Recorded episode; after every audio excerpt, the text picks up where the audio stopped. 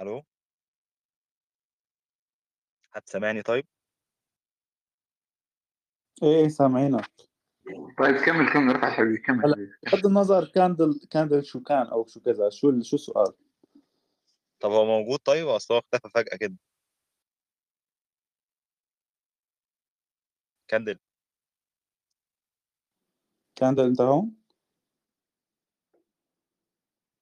ممكن إجا إجا تليفون أو شي؟ آه، تمام. طيب ن نخش في ال معلش هو أنا أنا جالي جالي جالي تليفون حالًا، فأنا ما سمعتش أي حاجة من اللي فات كلّه، معلش أنا آسف. طيب لو ولا في يهمك. لو في كلام ليّا أنا يعني أنا ما سمعتش منّه حاجة للأسف جالي والله مكالمة دلوقتي. لا، لا، أنا كنت باسألك بس يعني أنت أكيد من خلفية مسلمة، يعني أكيد كنت زمان مسلم، يعني ما كنتش على ديانة تانية يعني، صح؟ ولنعتبر إنه تمام آه. طيب ماشي. عامةً يعني أنا هاتكلّم في حاجة تانية خالص. أنا بس كنت عاوز أعرف رأيك في في نقطة كده معيّنة شاغلاني يعني أو شغلتني من فترة.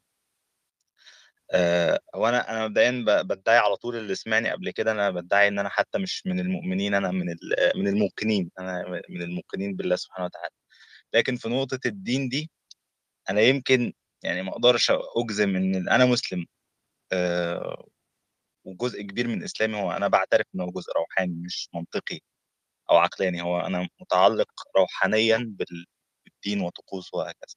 ده بيمثّل يمكن أكتر من 50% من كوني مسلم يعني. آآ بس من ال من الحاجات اللي اللي أنا يعني باسألها بقى لي فترة أنا متأثّر جدًا بفلسفة وحدة الوجود، أو مش وحدة الوجود لإن أنا مؤخرًا اكتشفت إن أنا فاهم الموضوع غلط، في في فلسفة قديمة جدًا في ال الفلسفة هي فلسفة الpanpsychism هي إن ال الله ال الكون هو جزء من مش بيساوي الكون مش بيساوي الله، بس الكون هو جزء من الله، الله هو الوجود ككُل، والكون نفسه هو جزء من من ذات الله سبحانه وتعالى، إحنا حرفيًا داخل ربنا دلوقتي يعني جزء منه مش هو منفصل عن الكون.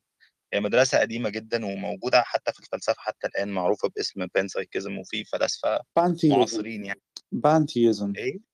اسمها إلها اسمين، لأ، pantheism مش pantheism لأ، pantheism دي حاجة تانية اسمها كلمة pan مالك عن pan وحدة عم الوجود الpantheism والpantheism؟ لأ، ممكن اسمع تقول تاني ما سمعتش. هي هي اسمين ألو pantheism وpantheism. ما هو pantheism هو وحدة يعني هو الموضوع أنا بصراحة اكتشفت إن أنا باتلخبط فيه لإن دخلت room بتاعة ناس مسلمين مؤم مؤمنين بوحدة الوجود وجيت أكلمهم في الموضوع قالوا لي: "لأ، وحدة الوجود ما لوش علاقة بالاتنين، ولا آه مين pantheism أنا ولا أنا panpsychism." الصراحة مين ما باعرف كتير أسمائهم بالعربي إنه الفرق ما يقول لي مين من الفرق بين وحدة الوجود والواحدية والذات أنا باعرف إنه في إذا بدك تحكي أنت عن ال السبينوزية وعن هدول الأمور، في عندك أنت الpantheism آآ وال الpantheism بتنكتب بال بالطريقتين يعني. فأبا ف أنت بتقول لي في شيء اسمه pan panpsychism؟ آه، panpsychism راح هو أتأكد ده آه، دي دي الفلسفة اللي أنا متأثّر بيها الم الفلسفة دي باختصار بتقول إن ال مش الله بقى بتقول إن الوعي هو مصدر كل شيء وكل حاجة derivative من الوعي، يعني كل اللي إحنا شايفينه هو derivative أو شكل من أشكال الوعي، بس ال ال الaxiom بتاع الوجود هو الوعي. آآ وأنا أ متأثّر بالفلسفة دي بقى لي فترة، بس في يعني في في حاجات في الإسلام في أديان غير الإسلام دي برضه ال الافتراض بتاعها زي الأديان ال الآسيوية بالذات، هم صح بيعتبروا صحيح موجودة إن موجودة لقيتها إيه، لقيتها ال آه. أو اسمها اسمها ال الروحية الشاملة. أيوه بالضبط كده. آآ الوعي والعقل والروح خاصة إيه okay panpsychism okay هي ما آه، آه. ممكن ما عرفت هلأ باطلع عليها بعدين يعطيك العافية. تمام. آآ بس في آية في في القرآن كنت عاوز أناقشك فيها كندل آآ أولًا في في حاجة في القرآن إحنا لمّا آجي أقرأ القرآن بالاقي إن نادرًا لمّا ربنا بيتكلم عن عن صفاته، هو بيتكل مش عن صفاته، بيتكلم عن نفسه، هو بيتكلم عن صفاته كتير، بيتكلم إن هو رحمن، رحيم، بيقول إن هو بيغضب، بي بيحب، بيكره كده، بس نادرًا لمّا بيتكلم عن نفسه وحتى لمّا بيتكلم عن نفسه بيبقى الموضوع مش واضح خالص، زي الآية مثلًا بتاعة الله نور السماوات والأرض مثل نوره ك مش فاكر بقية الآية، بس الآية أنا حاولت حتى أدوّر في التفسيرات لقيت الموضوع مش واضح و وأنا مش فاهم من الآية حاجة. لكن في الآية التانية اللي هي بتاعة وهو الأول والآخر والظاهر والباطن. الآية دي لو لو تأملنا فيها بشكل بعيدا عن التفسيرات بتاعت الآية لو تأملنا فيها بشكل كده ننظر للآية بس بي بيجيني إحساس إن هي فعلا بتقول بموضوع ال- الوحدوية دي بي هو حتى في لما لو أنت كنت بتحضر خطب جمعة زمان في المسجد تلاقي ال- الخطيب بيقول إيه وهو بيكمل يعني بيقول آية ويكمل معاها التفسير في نص الآية. يقول وهو الأول فلا شيء قبله وهو الآخر فلا شيء بعده وهو الظاهر فلا شيء فوقه وهو الباطن فلا فلا شيء دونه. ال- المعنى ده إحنا لو جينا نركز فيه كده ولو جينا أخدناه يعني هنفترض إن إحنا هناخده معنى حرفي هنلاقي إن هو بيقول بشكل أنا شايفه دايركت حتى شكل مباشر إن الله هو كل شيء يعني مفيش حاجة خارجة براه يعني مفيش وجود براه أو فوقيه أو تحتيه زمنيا أو مكانيا أو أو أو. فهل ممكن ده سؤالي ليك بقى هل ممكن ده فعلا تبقى فلسفة الإسلام؟ أنا عارف إن الكلام ده يعني أي لو حد أي حد مسلم بيسمعني هي يعني هي ممكن يتضايق مني حتى لأن الفلسفة دي في ناس بتكفرها حتى في المسلمين. آه، بس أنا سؤالي ليك يا كند هل ممكن دي فعلا تبقى فلسفة الإسلام ودي حاجة إحنا مش واخدين بالنا منها؟ بص هو تأويلات إن أنت تطلع آيات من القرآن و... وتأولها بتو... بتأويل روحاني جميل وكده وتشوف إن هو الأول والآخر آه بص أنا أنا ما عنديش مشكلة أعمل ده. يعني أوكي طلع من. من الإسلام طلع من الإسلام فلسفة جميلة آه بس تديك تصور جميل عن الإله بس برضه ما أنت عندك فيه في شوية مشاكل أول مشكلة إن الإله ده برضه طلع في الأول وفي الآخر اللي أنت واخد عنه الصفة الجميلة بتاع هو نور السماوات والأرض وهو الأول والآخر والظاهر والباطن طلع برضه بيضحك ويبكي ويستهزئ و... و... و... ويسخر ف تمام يعني أنت okay أنت أنهي واحد فيهم بقى؟ يعني لو إحنا خدنا من الإسلام ال- القرآن ده لو خدنا منه تصور جميل عن الإله فهو برضه عنده تصور تاني عن الإله بيشتم أبو لهب وبيشتم مش عارف الوليد بن المغيرة وبينزل يتكلم مع البشر راس براس كده ويرد عليهم واللي قال لا يخرجن الأعز منها الأذل يرد عليه برد كمان.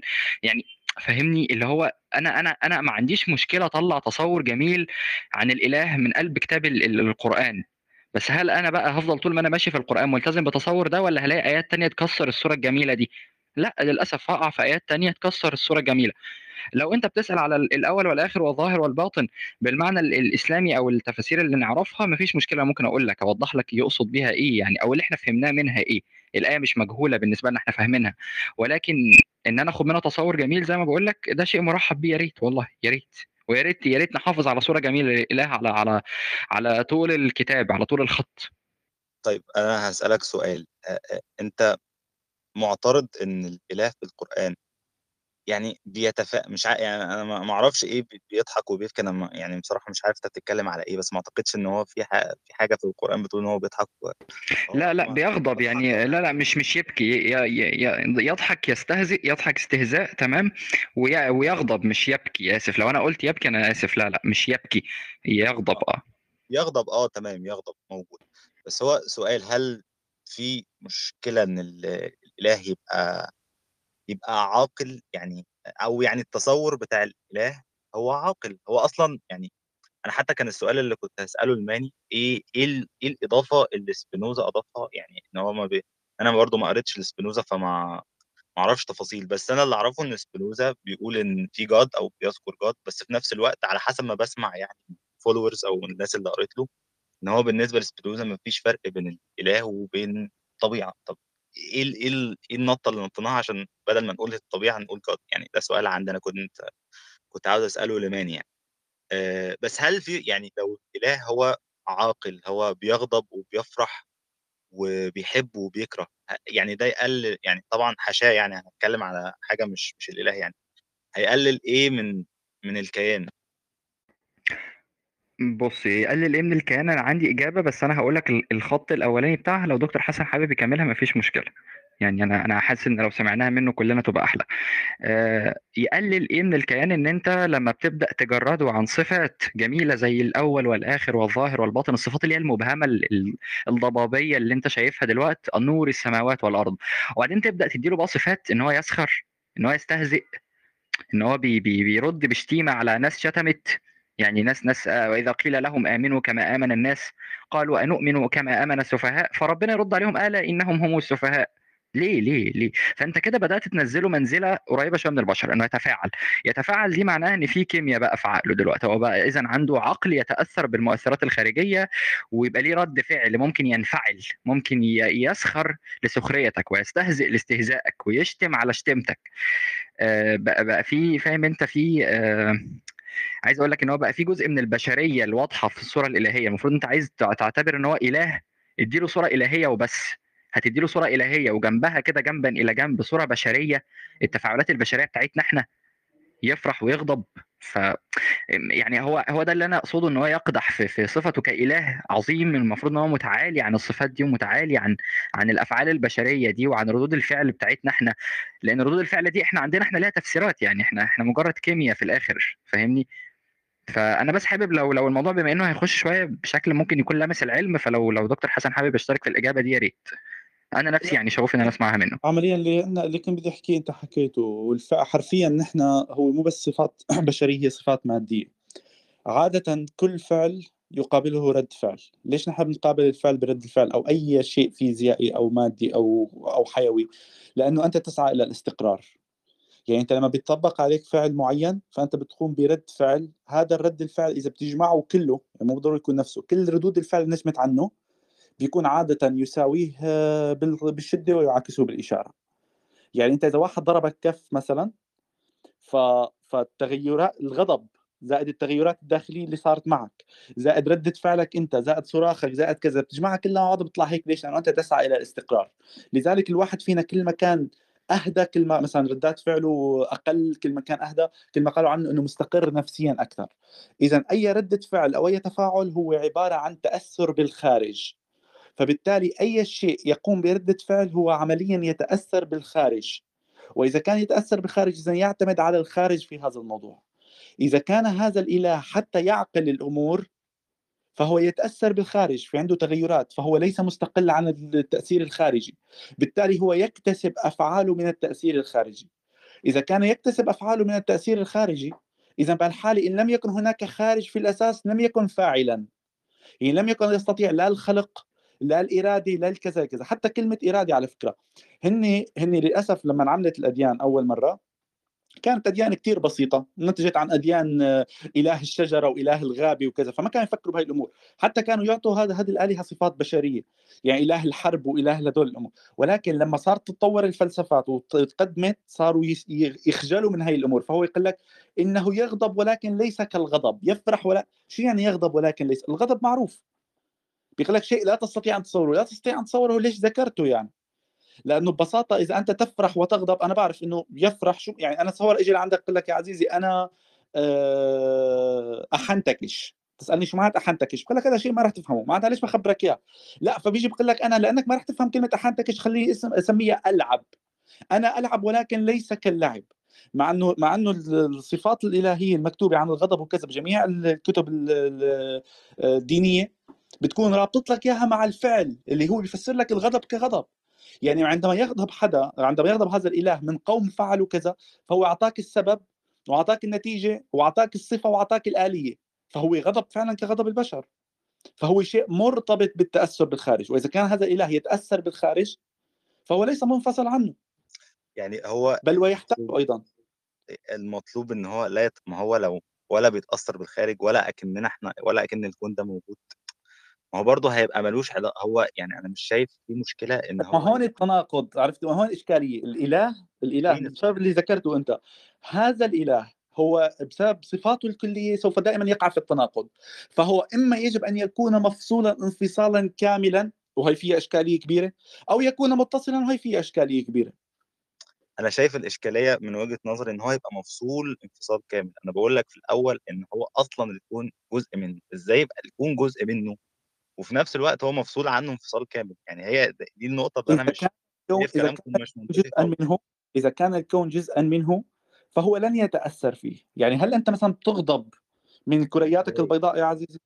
هل أنت بتغضب من كرياتك الحمراء؟ لا لا الفكرة مش كده. يعني في ناس أنا سمعت كتير آراء بيقول هو ليه أصلا يعني إحنا صغيرين قوي على إن ربنا ياخد باله من تفاصيل حياتنا ونعمل إيه وإحنا بنعمل إيه ومش عارف إيه. الفكرة دي عمرها ما دخلت دماغي ليه يعني؟ لو بالفكرة دي طب ما الإلكترون أصغر مننا مليارات المرات. هنقول بقى ليه ربنا بي بي واخد باله من حركة الإلكترون وليه بيقنن حركته وليه كثير وليه أنت اعطيت مثال جميل. أول شيء يا عزيزي أنت هل أنت مثلا تغضب قصدي الإلكترون؟ ص- صغر الشيء ما بيطلعوش من إن بعرف ربنا ياخد باله منه. أنا رح اخذ الالكترون كمثال. أول شيء نحن نهتم بالإلكترونات لأن لدينا حاجة وجهل لفهم آلية الأشياء. ثانيا لأننا نريد أن استخدام هذه الأشياء لكي نحسن حياتنا. ومع ذلك أول شيء الإله ليس لديه حاجة ثانيا هو يعلم هي الأمور. والشيء الأهم من هيك هل خطر على بالك إنه شو كمية السخف إذا أنت مثلا هل أنت قادر تغضب لأنه الإلكترون تبعك بدور عكس عقارب مثلا عقارب الساعة بدور بالاتجاه الآخر؟ ما أنك قادر تغضب. هذا جزء منك. الفكرة وين؟ هذا الإله حتى يغضب من شيء. فاولا يجب أن يكون هذا الشيء فعل شيئا يخالفه. وهي بحد ذاتها فيها إشكالية. ليش؟ لأنه أنا ممكن أنا أعطيك شيء ولكن أنا ماني مهتم إذا بتعمل هيك ولا هيك أنا راح حاسبك عليه. ما دام غضبت منك فالغضب ناتج عن إما إنه disappointment يعني أنا كنت متوقع منك شيء وأنت خذلتني أو أنا كنت طالب منك تعمل تعمل شيء وأنا ما بدي إياك تعمله فأنت عملته. وهي الحالتين فيها إشكالية. بالإضافة إلى إنه الغضب والفرح وحتى الإرادة مرتبطة بالحاجة. لا يمكن أن توجد إرادة إلا بشرطين إما شرط الحاجة أو شرط الإجبار. أنت لا تفعل شيء يعني إذا كنت موجود في غرفة ولم يكن لديك أي حاجة ولم يكن هناك أي شيء يجبرك على فعل الشيء فأنت لن تحرك اصبعا. حرفيا. فإذا أنت بتيجي. كيف ما أخذت رح تلاقي في إشكالية عظمى في إشكالية كبيرة كثير وسبينوزا لما حكى عن الإله وعلى فكره أنا لكن أقرأ ال- ال panpsych- psychism وأنتم عم تحكوا عنها هي شيء شبيه جدا بالمثالية تبعت أفلاطون. حتى أحد ال- ال- الفلاسفة اللي ذكروها انطلقت من طاليس وأفلاطون هي العلاقه بالمثالية وسبق وأسبقية العقل والوعي أو الروح. يعني العقل والوعي هي شغلات لا مادية على المادة. وهي بتختلف عن الموضوع الجواليزم والكذا. يعني هي شيء أفلاطوني مثالي. طبعا أنا أجده كلام فارغ يعني. آه، إذا بت... أما سبينوزا سبينوزا لم يكن يتحدث عن الإله العاقل. كان عم يحكي عن الكون كإله وكانت هي وسيلة لطيفة بهذاك الزمن. إنه ما نصدم العالم. عفوا؟ يعني خلينا في النقطة اللي حضرتك كنت بتتكلم فيها إن أنا عاوز أتكلم فيها يعني ما, ما. تدخلناش في النزول دلوقتي. طيب اتفضل. آه, آه يعني أنا شايف إن إن اللي أنت بتقوله آه الإله عشان يبقى يعني أنت شايفه منطقي أو وجوده منطقي في الفريم ورك اللي إحنا بنتكلم فيه لازم يكون غير مكترث بالوجود. هو مصدر الوجود بس في نفس الوقت غير مكترث ما ينفعش يتفاعل بشيء حصل فيه. أنا شايف إن ده يعني ضد أصلا اللي أنا اللي أنا يعني التصور اللي أنا عامله. يعني خلينا أديك مثال مثلا من حياتنا إحنا الشخصية كبشر. هنفترض مثلا جريمة قتل حد قتل حد بظلم. يعني حصل ظلم. لو الإله لم يكترث ولم يغضب طب إزاي أنت ده جزء منك أنت ال- المصدر بتاعه وأنت المتحكم في كل شيء فيه وحصل ظلم الكائن جواه اللي هو جزء منك وأنت لم لا تكترث ولا تتأثر ولا تغضب ولا ولا أنت بتدي صورة للإله طب أنا لو أعطيك مثال على الشيء حكيته أنت. حرفيا. راح أعطيك مثال على الشيء اللي أنت حكيته حرفيا. الحساسية الغذائية. الفود الرجي شو هي؟ هي عبارة عندما يتع... عند- أنت جهازك المناعي يتعرف على نوع من أنواع البروتين الموجود بالأكل على إنه شو؟ على إنه آه، شيء ضار. فبصير أنت تتحسس منه.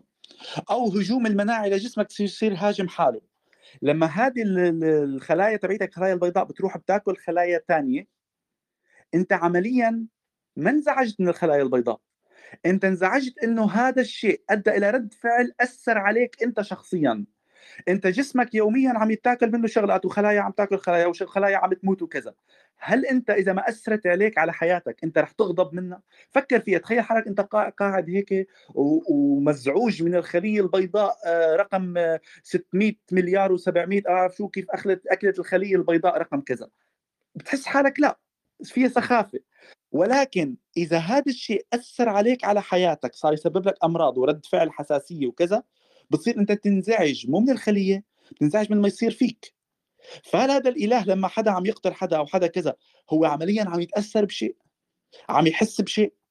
بص يا دكتور بص حضرتك هذا مثال. ما لهمش علاقة ببعض. ليه؟ لا لا ابدا. قلت لي أنت أنت حرفيا لك شغلة. إذا كان قلت لي إذا نحن كنا جزء من هذا الإله وواحد فينا قتل الثاني عمليا بالنسبة لهذا الإله هذا الشخص ما لم يفنى يتحول من شكل إلى آخر. لأنه هو السات الإله لا ينقص. يعني أنا لما بقتل مثلا بقتل شخص آخر هذا الشيء آه الإله لم ينقص لم يتأثر عمليا مثل الخلايا. ولكن أنا كحسن والمجتمع البشري هو الذي تأثر. لذلك القتل غلط مو لأنه الإله تأثر.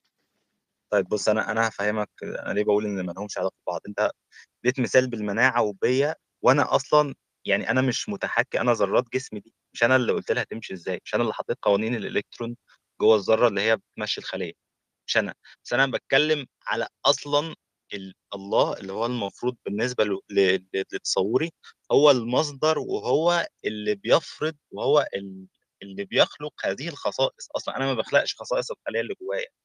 بس الله اللي هو مصدر كل شيء والمتحكم في كل شيء. أنا مش متحكم في كل شيء الغضب الغضب بينتج الغضب بينتج يا رفعت يا رفعت الغضب بينتج عن disappointment إنه أنت ما كنت عارف إنه هيك بده يصير. أنا لما بكون أستاذ بالمدرسة وفايت لعندي ثلاث طلاب يعملوا الامتحان. هدول ثلاث طلاب أنا بعرف أنا بعرف مستواهم بعرف إنه اثنين أذكياء وسيتجاوزوا الامتحان وواحد غبي لن يتجاوز الامتحان أو الشخص لا يدرس لا يتجاوز الامتحان. أنا بكون واصل لمرحلة إنه آه okay أنا already بعرف أنا بعرف نتيجته لهذا ونتيجته لهذا ونتيجته لهذا. تمام؟ اللي راح ينجح أنا هذا الشيء متوقع. واللي راح يرسب متوقع. ولكن اللي أنا كنت متوقعه ينجح ورسب هذا بده يسبب لي نوع من الحزن أو الغضب أو كذا أو شيء. هذا الإله حتى لو هو كان حاطط آلية عمل هدول الإلكترونات اللي بجسمه وهدول البشر اللي بجسمه هو عمليا كمان كلي المعرفة. يعني لن يغضب لن يغضب. قد يحاسبك دون أي مشاعر مثلا. إنه هذا الإله ما عنده مشاعر ولكن أنت أنا أمرتك بشيء وأنت عملت غيره. أنا كنت بعرف إنك عامل رح تعمل غيره. تعال أنا رح حاسبك أنت أنت. بتدخله في في مجال اللي هو يعني لازم يا إما يبقى لك تراث يا إما ما بيحسش. اما تماما تماما. الصفات ما هي دي الصفات أصلا. يعني الإله. أنت لما تيجي تسألني ثواني بس النقطة دي مهمة. أنت لما تيجي تسألني هقول لك أنا ال- الصفات الأساسية اللي بالنسبة لي لازم تبقى موجود في الإله الصفات طب طب أنا بجي أنا على كلمة- بالشعور. أنا هو لو على لا لو ما طبعا. بيشعرش وما بيحسش فهو كده يعني أنا رح أقول لك شغلة يعني أنا بتكلم مش بتكلم على الإله أنا بتكلم خليني عامه لو خليني أمشي معك بالتدريج. خليني يا يا رفعت يا رفعت يا رفعت خليني أمشي معك بالتدريج. إن لم يكن هذا الإله لا اكتراسي فهو اكتراسي صحيح؟ لا يعني إيه مش فاهم. فاهمني أكتر. إذا هذا الإله إن لم يكن لا اكتراسي فهو اكتراسي صح؟ قصدك إن هو قادر يعني- إنه يكترث ما بيكترثش ل- ده لا قصدك لا لا لا يعني إحنا عندنا اتنين اوبشن إما إن في الإله أو الصانع للكون ده إما هو اكتراثي ويتدخل زي ما أنت بتقول أو إن هو أو لا لا. اكتراثي لا يتدخل. أنت رافض اللا اكتراسي الاكتراث بالشيء أو الاهتمام في شيء. أنا لماذا اكترث بالشيء؟ يعني إيه لماذا؟ أنا مش فاهم يعني. يعني أنا أكترث بالشيء إما تمام؟ لأن الشيء ده متعلق بيا يعني يعني هو في أو تعلق أكتر من إن الكون يبقى جزء منه يعني في ليش؟ تعلق أكتر من ليش يتعلق فيه؟ لأنه إذا حدث له ضرر معين أنا سوف أتأثر إما أتأثر ماديا أو. عاطفيا. مش فكرة ضرر. أنا يعني لو في طوبة اتكسرت دلوقتي هل الكون كله بيتكسر؟ لأ يعني هو الطوبه اتكسرت هي جزء من الكون بس الطوبة دي طيب. جزء من الكون. هي يعني ينفعش هي علاقة لا لا يا يا يا رفعت يا رفعت. نحن بدنا نحط نعرف المصطلحات. هي الطوبة اللي انكسرت إن لم تكن تؤثر عليك كرفعت ماديا أو معنويا هل ستكترث أنت لانكسارها؟ يا فندم لازم تاثر إزاي ما تاثرش لا ما أنا ما هو ده اللي أنا بقوله من الأول. يعني الإله يتأثر. ويغضب ويفرح لأن كل ده أو بالنسبة لي أنا مش بأجزم طبعا بس بالنسبة لي هو كل شيء جزء منه فإزاي حلو كتير. منه ما دام بيه؟ ما دام هذا الإله يتأثر اذا هذا الإله خاضع لهذا الشيء. يتأثر فيه ككينونة. الشيء الذي يتأثر بالشيء طبعا يتأثر يتأثر فيه. يتأثر يعني بيصير له تغ... بيصير عليه تغير. هي معنى التأثر. أنا أتأثر بالشيء يعني أنا أتغير نتيجة لهذا الشيء. لأ أنت أنت اديت مفهوم بقى للتأثر آه، حاله طبعا في الجسم. شو مفهوم التأثر؟ شو يعني التأثر؟ أنا بالنسبة لي التأثر هو شيء حدث أثر فيه بمعنى شو يعني الكلمة أثر فيك؟ مأثرة نفسها. يعني الكلمة مأثرة نفسها شيء حصل مثلا لا، لا. آه، يعني أصلا التأثير التأثير تمام؟ هو ال- مش. قصدي على التأثير الفيزيائي اللي هو ال- حاجة تخبط حاجة فتحركها يعني ممكن تبقى ده بالنسبة لك التاثير النفسي التأثير النفسي. التاثير النفسي هو شيء نتيجة شيء قادر أن يؤثر عليك فينتج عنه تأثير. أنت خلي بالك برضو إحنا بنتكلم في حاجات متعلقة شوية بالوعي والوعي إحنا م- يعني لحد دلوقتي لسه ال- مش فاهمين يعني إيه لا لا لا فاهمين الوعي لا بنتكلم في حاجات لا لا لا فاهمين بالوعي اللي هو لسه مش مفهوم. لا لا الوعي مفهوم. الوعي والحاجات دي لسه مش يا مفهومة أخي يا أخي يا أخي يا, أخي يا عزيزي الوعي مفهوم. إذا كان أفلاطون وأرسطو والشباب الطيبه من ألاف سنين يقول لك ما هو مفهوم نحن صرنا هلأ بعدهم ألاف سنين الوعي مفهوم. لا معلش بقى ف- يعني ممكن حضرتك تقول لي مثلا اللون إيه؟ الأحمر ده يعني إيه طبعا. يعني طب بدك قول لي إيه علاقة ال- إيه علاقة الذرات اللي بتكون مخي بالإحساس بالألم؟ حلو كثير رح أقول لك شو علاقة الذرات بتأثر مخك. أنت لما بيأثر عليك شيء من الخارج هذا الشيء بيضغط أنت على المستقبلات السنابس تبعتك المؤثرات بتحوله ل ل آه، عصبية. هاي السيالة العصبية بتنتقل من هدول الطاقه الحس إلى الدماغ تبعك. الدماغ تبعك بيعمل ردة فعل مشان يحمي جسمك. يعني إذا كان عندك حرارة الجسم بيعطيك مثل الشغله بتقول لك اسحب إيدك لأنه هون في حرارة. هو مو قصده الدماغ أو الوعي إنه يوجعك ويألمك هو قصده إنه يحميك. هاي الحماية لازم تكون قوية لدرجة انها تح- تعمل عندك شغلات اسمها ردات فعل مثل رد الفعل الانسحابي تبع الإيد وكذا بيكون عن طريق رده فعل عصبي يعني كهرباء بكهرباء على كيمياء بكيمياء يعني.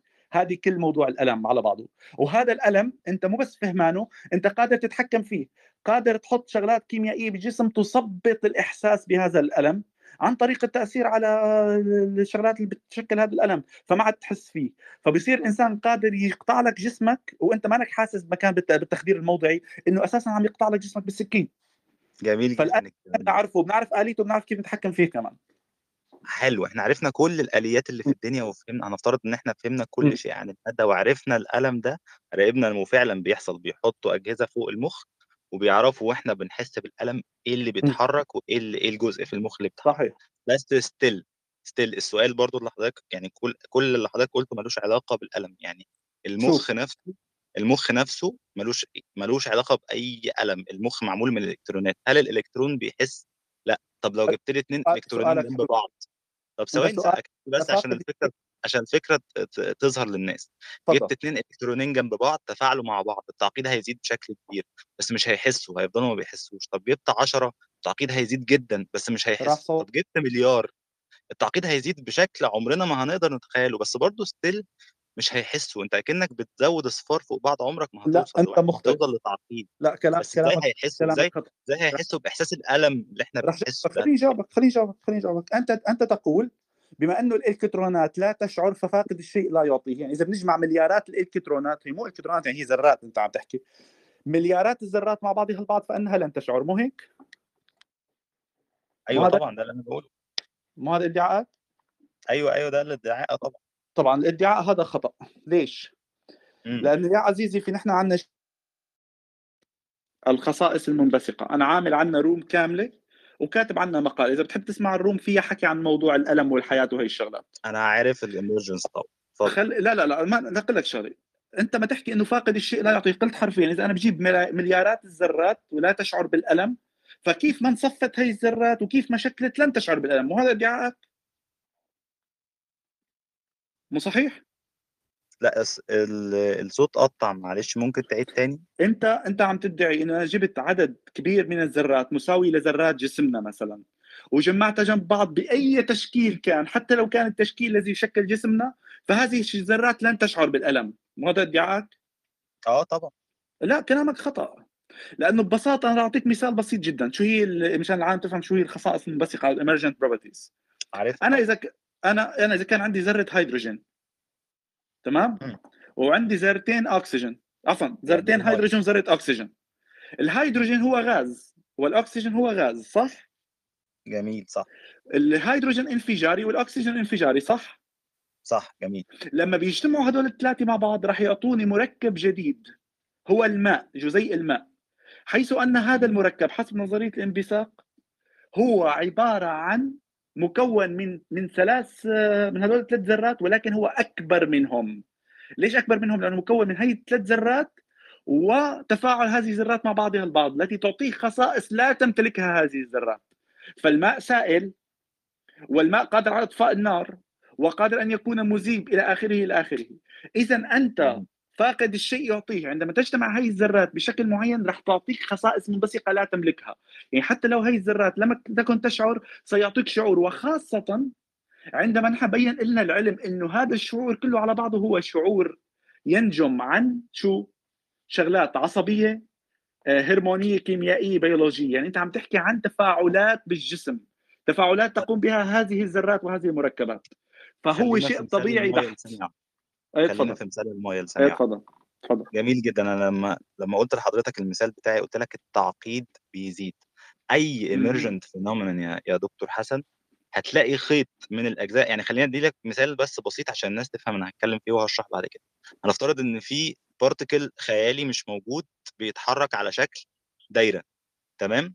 وجبت particle جنبيه بيتحرك برضو على شكل دايرة ولكن في attraction في causal effect بينهم وبعض هيأثروا في بعض هيعملوا attraction بينهم وبعض طبيعي جدا بل حتمي كمان إن هي... هيظهر سلوك معقد أكتر من الدايرة. على شكل مثلا دايرتين متقاربين أو على شكل فراشه هي- هيلفوا حوالين بعض أو أو على حسب ال force اللي بتربط ما بينهم. فلازم بشكل حتمي التعقيد هيزيد. لما بتزود ال- الأجزاء لازم التفاصيل بتزيد مع الوقت. ولكن على طول أي emergent phenomena هتلاقي فيه خيط بيوصلك من البساطة صحيح صحيح. علاقة العلي علاقة العلي والمعلول. علاقة العلي والمعلول أن العلي والمعلول من نفس الطبيعة. صحيح. هو ليه ليه ال- السؤال الأكبر في العلم دلوقتي اللي هو مش عارفين يمزجوا بين ميكانيكا الكم والنسبية؟ لا هم لا مش لاقيين لا لا لا ثواني ثواني شوي اترك لي اياها. أنت حكيت أنت حكيت إنه أي صفة رح تطلع معنا إذا بنرجع دائما بيكون في علاقة علي ومعلول في نفس الطبيعة المشتركة ما بين هدول الأمور صح؟ لازم يكون في خيط. أنت أكيد وأنا هذا وأنا هذا اللي جاوبتك إياه وأنا هذا اللي جاوبتك إياه بآخر مداخلتي السابقة اللي قلت لك. بما إنه نحن تبينا علميا إنه جميع هذه المشاعر وجميع هذه التأثرات هي عبارة عن تفاعلات بايوكيميائيه يعني تعتمد على الذرات وتعتمد على هذه الأمور فنحن لقينا العلاقة إنه اثنين. ماديات. ولكن أعطيك. المثال الإشكالية اللي كانت عند ال- أنا ليش قلت لك أول شيء أفلاطون وكذا؟ لأن الإشكالية كنت كانت عند هذوك الحبايب إنه هذوك ما كانوا يعرفوا إنه المشاعر تبعتنا أساسا ذات ذات أساس مادي. فكانوا يقولوا لك في شيء لا مادي وفي شيء مادي ولا ولا يوجد رابط بينهما. لا هن أساس مادي عزيزي. هن أساس مادي. أنت قادر إنك تولد هذه المشاعر. طبعا مو في عندنا شيء اسمه مشاعر معقدة. في عندنا شيء اسمه مشاعر بسيطة. المشاعر المعقدة هي شيء معقد أكثر مثل الحب وكذا. المشاعر البسيطة مثل الغضب مثل أه، بالألم. أنت قادر أنت قادر بإدخال مواد كيميائية معينة إنك تتحكم فيها. هي أشياء تفاعلات بسيطة. هي تفاعلات كيميائية تفاعلات بايوكيميائيه بالجسم. فهي شغلات مادية متعلقة بهي الجزيئات وبهذه الذرات اللي عم تحكي عنها. هي ما شيء. خيالي. فهذا الرابط موجود. مثل ما حكيت أنت هذا الرابط موجود. جميل. تمام؟ كويس إن حضرتك اتكلمت في النقطة دي النقطة دي أصلا هي صلب ال- ال hard problem مشكلة الوعي اللي موجودة في الفلسفه كويس إن حضرتك ذكرتها. طيب دلوقتي إحنا زي ما قلنا زي أنا عشان كده أنا بحب أبسط الأمور عشان الأمور كل ما بتوسع كل ما التعقيد بيزيد فالدنيا بتبقى مبهمة أكتر. خلينا في الجزيئات الصغيرة الجزيئتين اللي إحنا قلنا هي في تعقيد بسيط هيظهر من التع... تعقيد أعقد تعقيد قصدي هيظهر من البساطة بتاعت الجزيء لوحده وده شيء حتمي تمام؟ هتلاقي الخيط موجود في إيه الخيط هنا؟ إن دي بتتحرك حركة mechanical ودي بتتحرك حركة mechanical فالاثنين عملوا حركة mechanical بس أعقد ومختلفة تماما عن حركة الجزء يعني ما ينفعش أصلا يبقوا زي بعض لأن هم لو زي بعض يبقى ما فيش causal بس إيه المختلف بقى في الوعي؟ يعني أنا أنا ما حدش ياخد كلامي يا جماعة بهزار أنا مش بهزر لو أنتوا كلكم سامعين حد كده يجيب ولاعة ويحرق نفسه أو يقرص نفسه ويحس بالألم وهيعرف فين المشكلة؟ المشكلة فين في مشكلة الوعي الصعبه في الفلسفة؟ إن أنت فهم الفيزياء للكون هو فهم mechanical أو فهم يعتبر بي بيعبر عن حركة وتغير. الفيزياء عبارة عن دراسة الحركة والتغير للأشياء. هي ما تعرفش الشيء ده معمول من إيه؟ يعني إيه الفيزياء بتاعت الإلكترون؟ بيوصف إزاي ال wave function بيتطور مع الوقت؟ بيوصف إزاي الإلكترون لو قابل إلكترون تاني هيتفاعلوا إزاي؟ بيوصف إزاي إن في إلكترونين بيبقى عندهم نفس ال wave function ويبقى في superposition و entanglement وكل الحاجات الجميلة دي. بس في الأول وفي الآخر لما تيجي تسأل المعادلة طب يا معادلة هو إيه الإلكترون؟ ده بره نطاق الفيزياء تمام؟ كل انت انت هون انت هون ثواني شوي يا يا رفعت يا رفعت. مشان ما نطلع يا رفعت. لا لا لا. مشان ما نطلع من موضوعنا ثواني شوي. بس عشان لا تظهر دقيقة يا أخي بس خليني كلمة بس. أكمل و... ماشي لا طب ثواني. عزيزي أنت هلا صرت عم تحكي الفرق ما بين ال metaphysics وال physics ما بين لا الأنطولوجية. خالص ما هي طبعا. انت خليني خلينا نخلص أول شيء من ناحيه من ال emergence بعدين حتى رح نرجع نناقش كل هذا الموضوع. خلينا نحكي بال emergence okay؟ رح نرجع على موضوع ال metaphysics. انت قلت بدك رابط وعلاقة بينهم تمام؟ وأنا قلت لك العلاقة هي كالآتي. إذا ما أنت عم تحكي عن أنواع العلوم رح أعطيك العلاقة من أنواع العلوم من الطرح تبعك أنت. الأساس اللي إحنا ننطلق فيه من أنواع العلوم وهي الشغلات هي المنطق. معي أنت؟ أيوه معاك اتفضل حلو. هذا المنطق نحن لما بنحدد هذا المنطق لحتى يصير منطق يحكم الواقع بال formal science نحن بنكون عم نحكي عن الرياضيات. هاي الرياضيات لما بتصير رياضيات تطبيقية على أرض الواقع لتحرك حركة الأشياء وهي الشغلات بتصير عم نحكي عن الفيزيكس عن الفيزياء صحيح؟ مم. جميل. لما هذه الفيزياء بتصير لها علاقة بتفاعل الأشياء مع بعضها البعض بصير نحن عم نحكي عن الكيمياء صحيح؟ بس كل ده في تحرك أنت بتوصف تحرك. جاي وأنا وهو تماما أنا معطيك الرابط. لاحظ إنه أستاذنا عم نحكي نفس الشيء. صرنا ماشي بالكيمياء. ما صرنا بالكيمياء؟ متفق معي لهون؟ جميل. متفق معي؟ مشان نكمل؟ متفق أنا بس معلش تقريبا حلو في كتير. مشكلة في ال... في النت آه، يعني ممتاز الكيمياء لما نحن بنصير نحكي عن تحول الشغلات من اللا عضويه الكيمياء اللا عضويه إلى الكيمياء العضوية أو إلى إلى الشغلات العضوية بنصير نحكي من من ال general chemistry لل organic chemistry للكيمياء. العضوية. لما بصير نحكي من تحول المواد اللا عضويه والعضوية إلى مواد بيولوجيه بيكون صرنا نحن نحكي بالبيولوجي بعلم الأحياء. لما عم نحكي عن علم لما بنحكي عن علم الأحياء فنحن عم نحكي عن كل هدول الأمور. فلاحظ أنت الرابط اللي أنت طلبته مني هذا الخيط. الخيط أساسا كلياته يعود في النهاية إلى موضوع حركة الأشياء. طيب فين حتى بقى التفاعلات بتصير والإحساس بالألم؟ حلوة النقطة دي. فين بقى الخيط؟ أنت وصلت من خيط حلو كثير شو شو هي البيولوجي؟ شو هي البيولوجي؟ والإحساس بالألم؟ شو هي البيولوجي؟ مو التفاعلات مو دراسة التفاعلات التي تتم في الجسم؟ دراسة ومكونات التفاعلات الجسم وكذا؟ الكيميائية اللي بتحصل للكائن الحي. تمام. الكيميائيه وال bio إحنا بنسميها هون bio كي... bio كيميائيه biochemistry ما هو يعني ال bio ال bio هنا البيولوجي هي ال... ال... الإطار الأوسع للكيمياء. أنت في لا هي هي إطار ضيق بالكيمياء. نحن هلا حكينا الكيمياء أوسع من البيولوجي.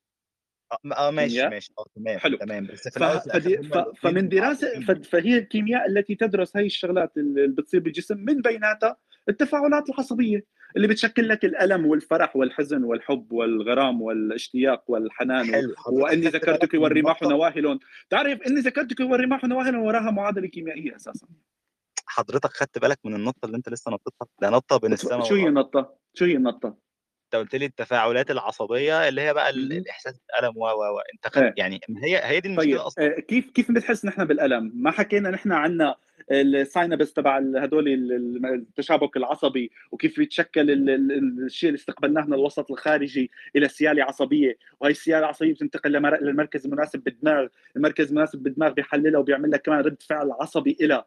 وبعدين رد الفعل العصبي بيروح على عند ال- الشغلات ال organs بالجسم رح تأثر فيه عن طريق السياله العصبية والهرمونات وهذه الأمور. فجسمك مثلا إذا أنت ضبط آه، جسمك بي- بيفرز شغلات بيخليك تعمل آه، رد فعل عصبي بيخلي وشك يحمر تزداد ضخ ال- ال- الأوعية الدموية. مو هذا هو الإحساس بالغضب وبالالم بالهدول؟ كل ده يا دكتور ملوش علاقة. أنا عشان كده قلت للناس يعني أنا أكيد الناس ضحكت عليا بس عشان كده قلت لهم وأنتوا بتسمعونا اقرصوا نفسكم عشان تبقوا عارفين إحنا بنتكلم في إيه. إيه إيه حضرتك وعلى فكرة أنا عليه اعطيك حلو مثالك. وأنا رح أطلب من الناس إنه أنتم تدخلوا مواد كيميائية بجسمكم هي بين كيلرز وبعدين تقرصوا نفسكم أو بس جميل تعمل تخدير موضوعي.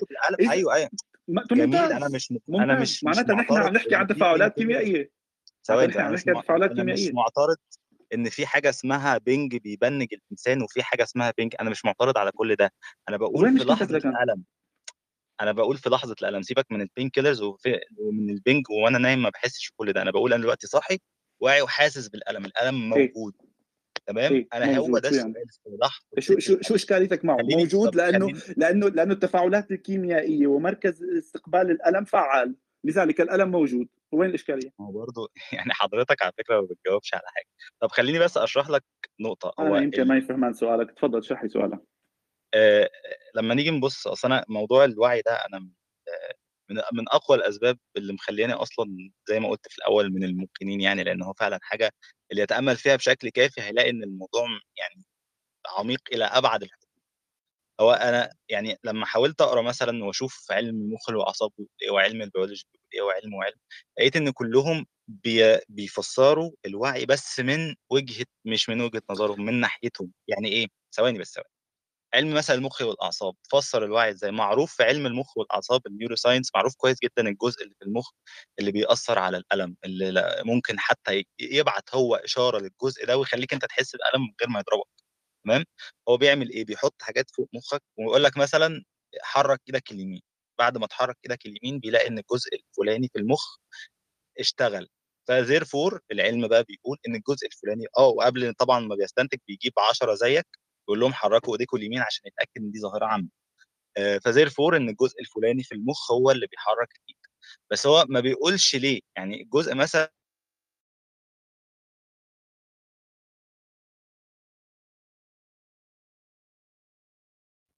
أعتقد رفعت راح الصوت. آآ رفعت هو أنا هذا قُلت لك لمّا ما تحكي أنت عن عن الmetaphysics العلم بس بيقول يا رفعت، يا رفعت، رفعت، إزاي؟ بس ما رفعت بيقولكش ليه. يا رفعت، رفعت ثواني شوي، ثواني شوي، أنا هذا اللي حكيت لك إياه، قُلت لك أنت أول شيء هلّأ أنت ك وضّحت كلامك، ما قال لك ليش. هي دكتور ليش هي جزء دكتور معلش فلسفي طالع ثواني. أنا طالع ثواني بس بعد إذنكم بس عايز أقول لرفعت حاجة ب ب بعد إذنكم أنا سامع الحوار من أول ما ابتدى. اتفضل. آآ رفعت هي ال المشكلة المشكلة دايمًا آآ هتواجهك في فكرة إن الوعي سابق على المادة. الفكرة الفلسف ف في الفلسفة المثالية ديّة واللي اللي البعض حاولوا إن هم ي يأصّلوا لها فلسفيًا أو حتى في علم النفس آآ أنا عارف إن في بعض الكتابات في علم النفس بتحاول تأصّل للفكرة ديّة. بس آآ ال الثابت عندنا إن ما فيش وعي بدون مادة، وإن دايمًا المادة هي اللي بتأثّر على ال الوعي زي ما الدكتور حسن شرح في موضوع البنج وغيره، وغيره والendorphins وحتى الكهربا، نقدر نأثّر مش بس بالمادة على الوعي، لأ نقدر نأثّر حتى بال بحاجة ف physical زي التيارات الكهربائية على الوعي بالكامل.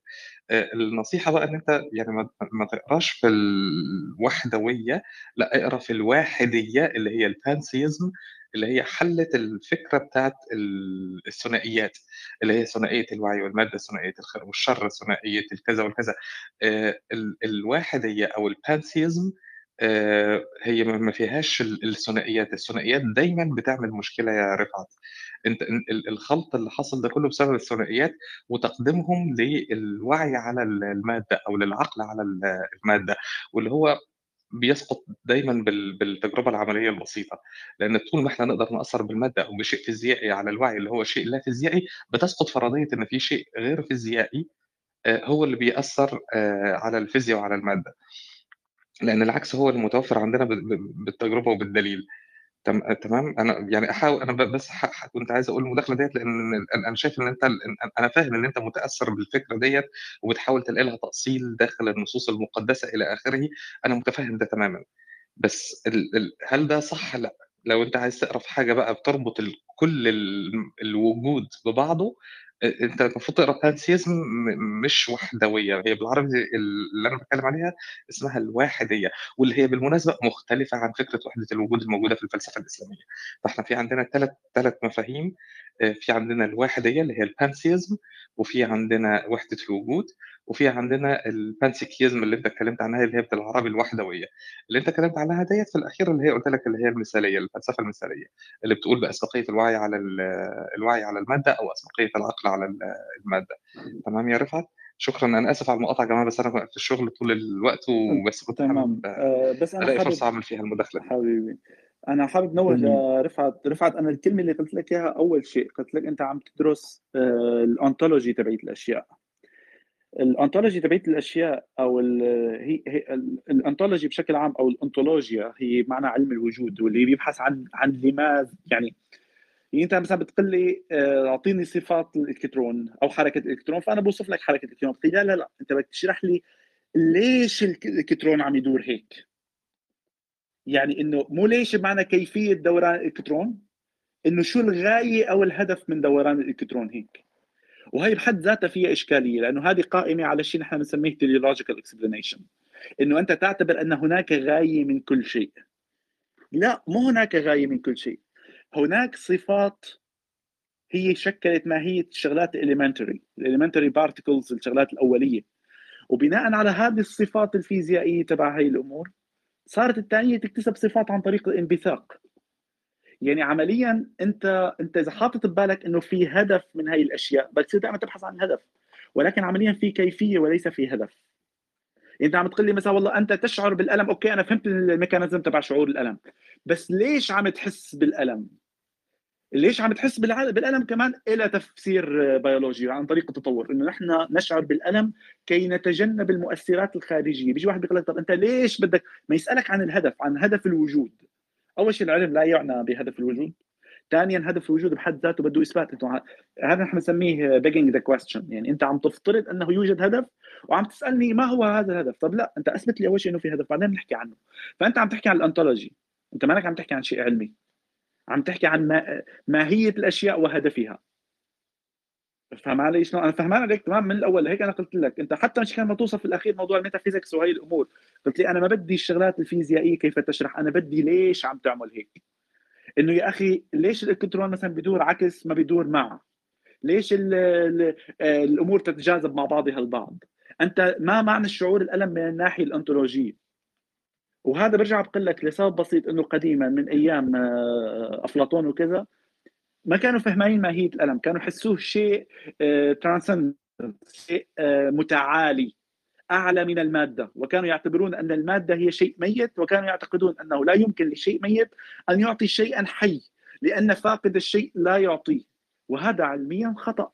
فاقد الشيء يعطيه بشرط أن يتجمع مع أشياء أخرى فاقده له ويتفاعل معها بالطريقة التي تعطي هذا الشيء. تمام؟ رفعت سامعني لا تقول لي ما هو أنا مش عارف رفعت معانا ولا لأ بس أنا سامعك. يعني أنت صوتك تمام. طيب هو بس أنا آه حد سامعني يا جماعة آه. أنت ما كنت سامعني يا رفعت. رفعت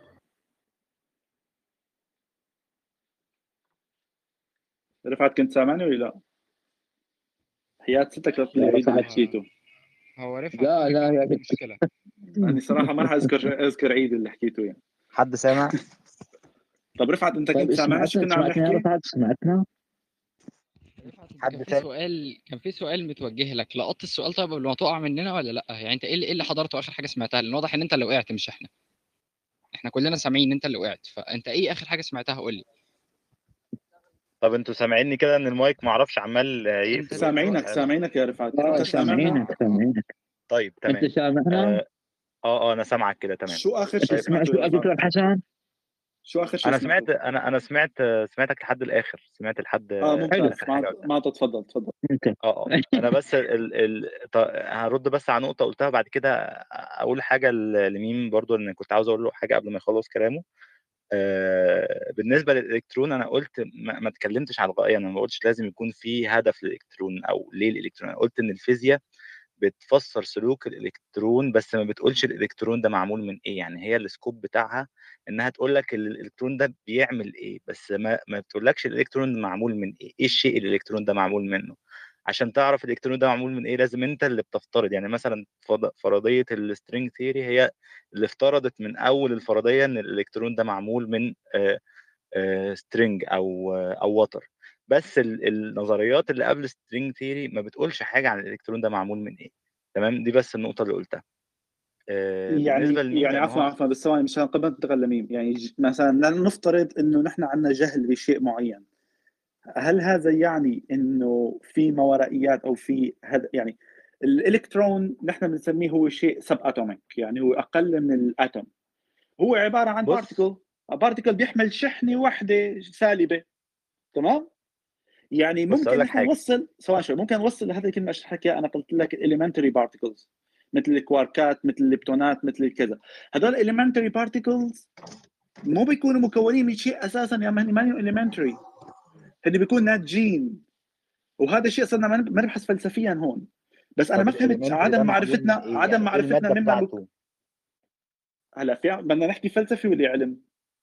إذا إذا علم ده اللي أنا بحاول أوصله جيد لك حلو أنت هتخش في الحتة دي هتخش في الفلسفة الفيزياء ملهاش علاقة ده بالظبط لا أوصله الفيزياء لا لا لا الفيزياء لها علاقة وهي اللي رح تجاوب على هذا السؤال ولكن الآن لا نملك الجواب عليه.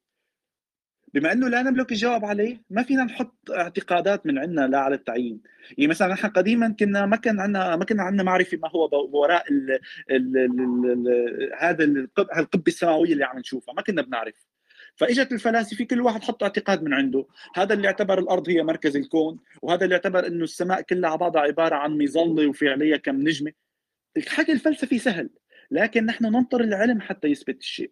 بدك نحكي فلسفي أنا ممكن أحكيك بالفلسفة من ناحية إنه شو ممكن يكون وراء هذا الشيء. ممكن أقول لك يا أخي ممكن تكون المادة أزلية مثلا.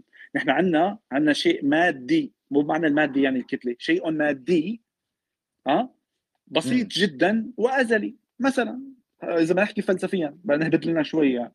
طب بص. أنا أنا هقول لك على المخرج الفلسفي للموضوع ده للسؤال اللي هو بتاع يا ريت. أعطيني المخرج. الفلسفي تبعك. تفضل لا مش بق... يعني مش مش ه... مش هكذب كلامك. يعني لا لا لا أعطيني أنا حاب. حاب أفهم الفلسفه تبعتك أعطيني شو أنت قناعتك إنه هذا الشيء الاولي اللي أنتج كل هدول الأمور؟ لا هي مش فل... يعني مش فلسفتي. أنا بقول لك الفلاسفة لما بيجوا يخرجوا من الموضوع ده بيقول لك إيه؟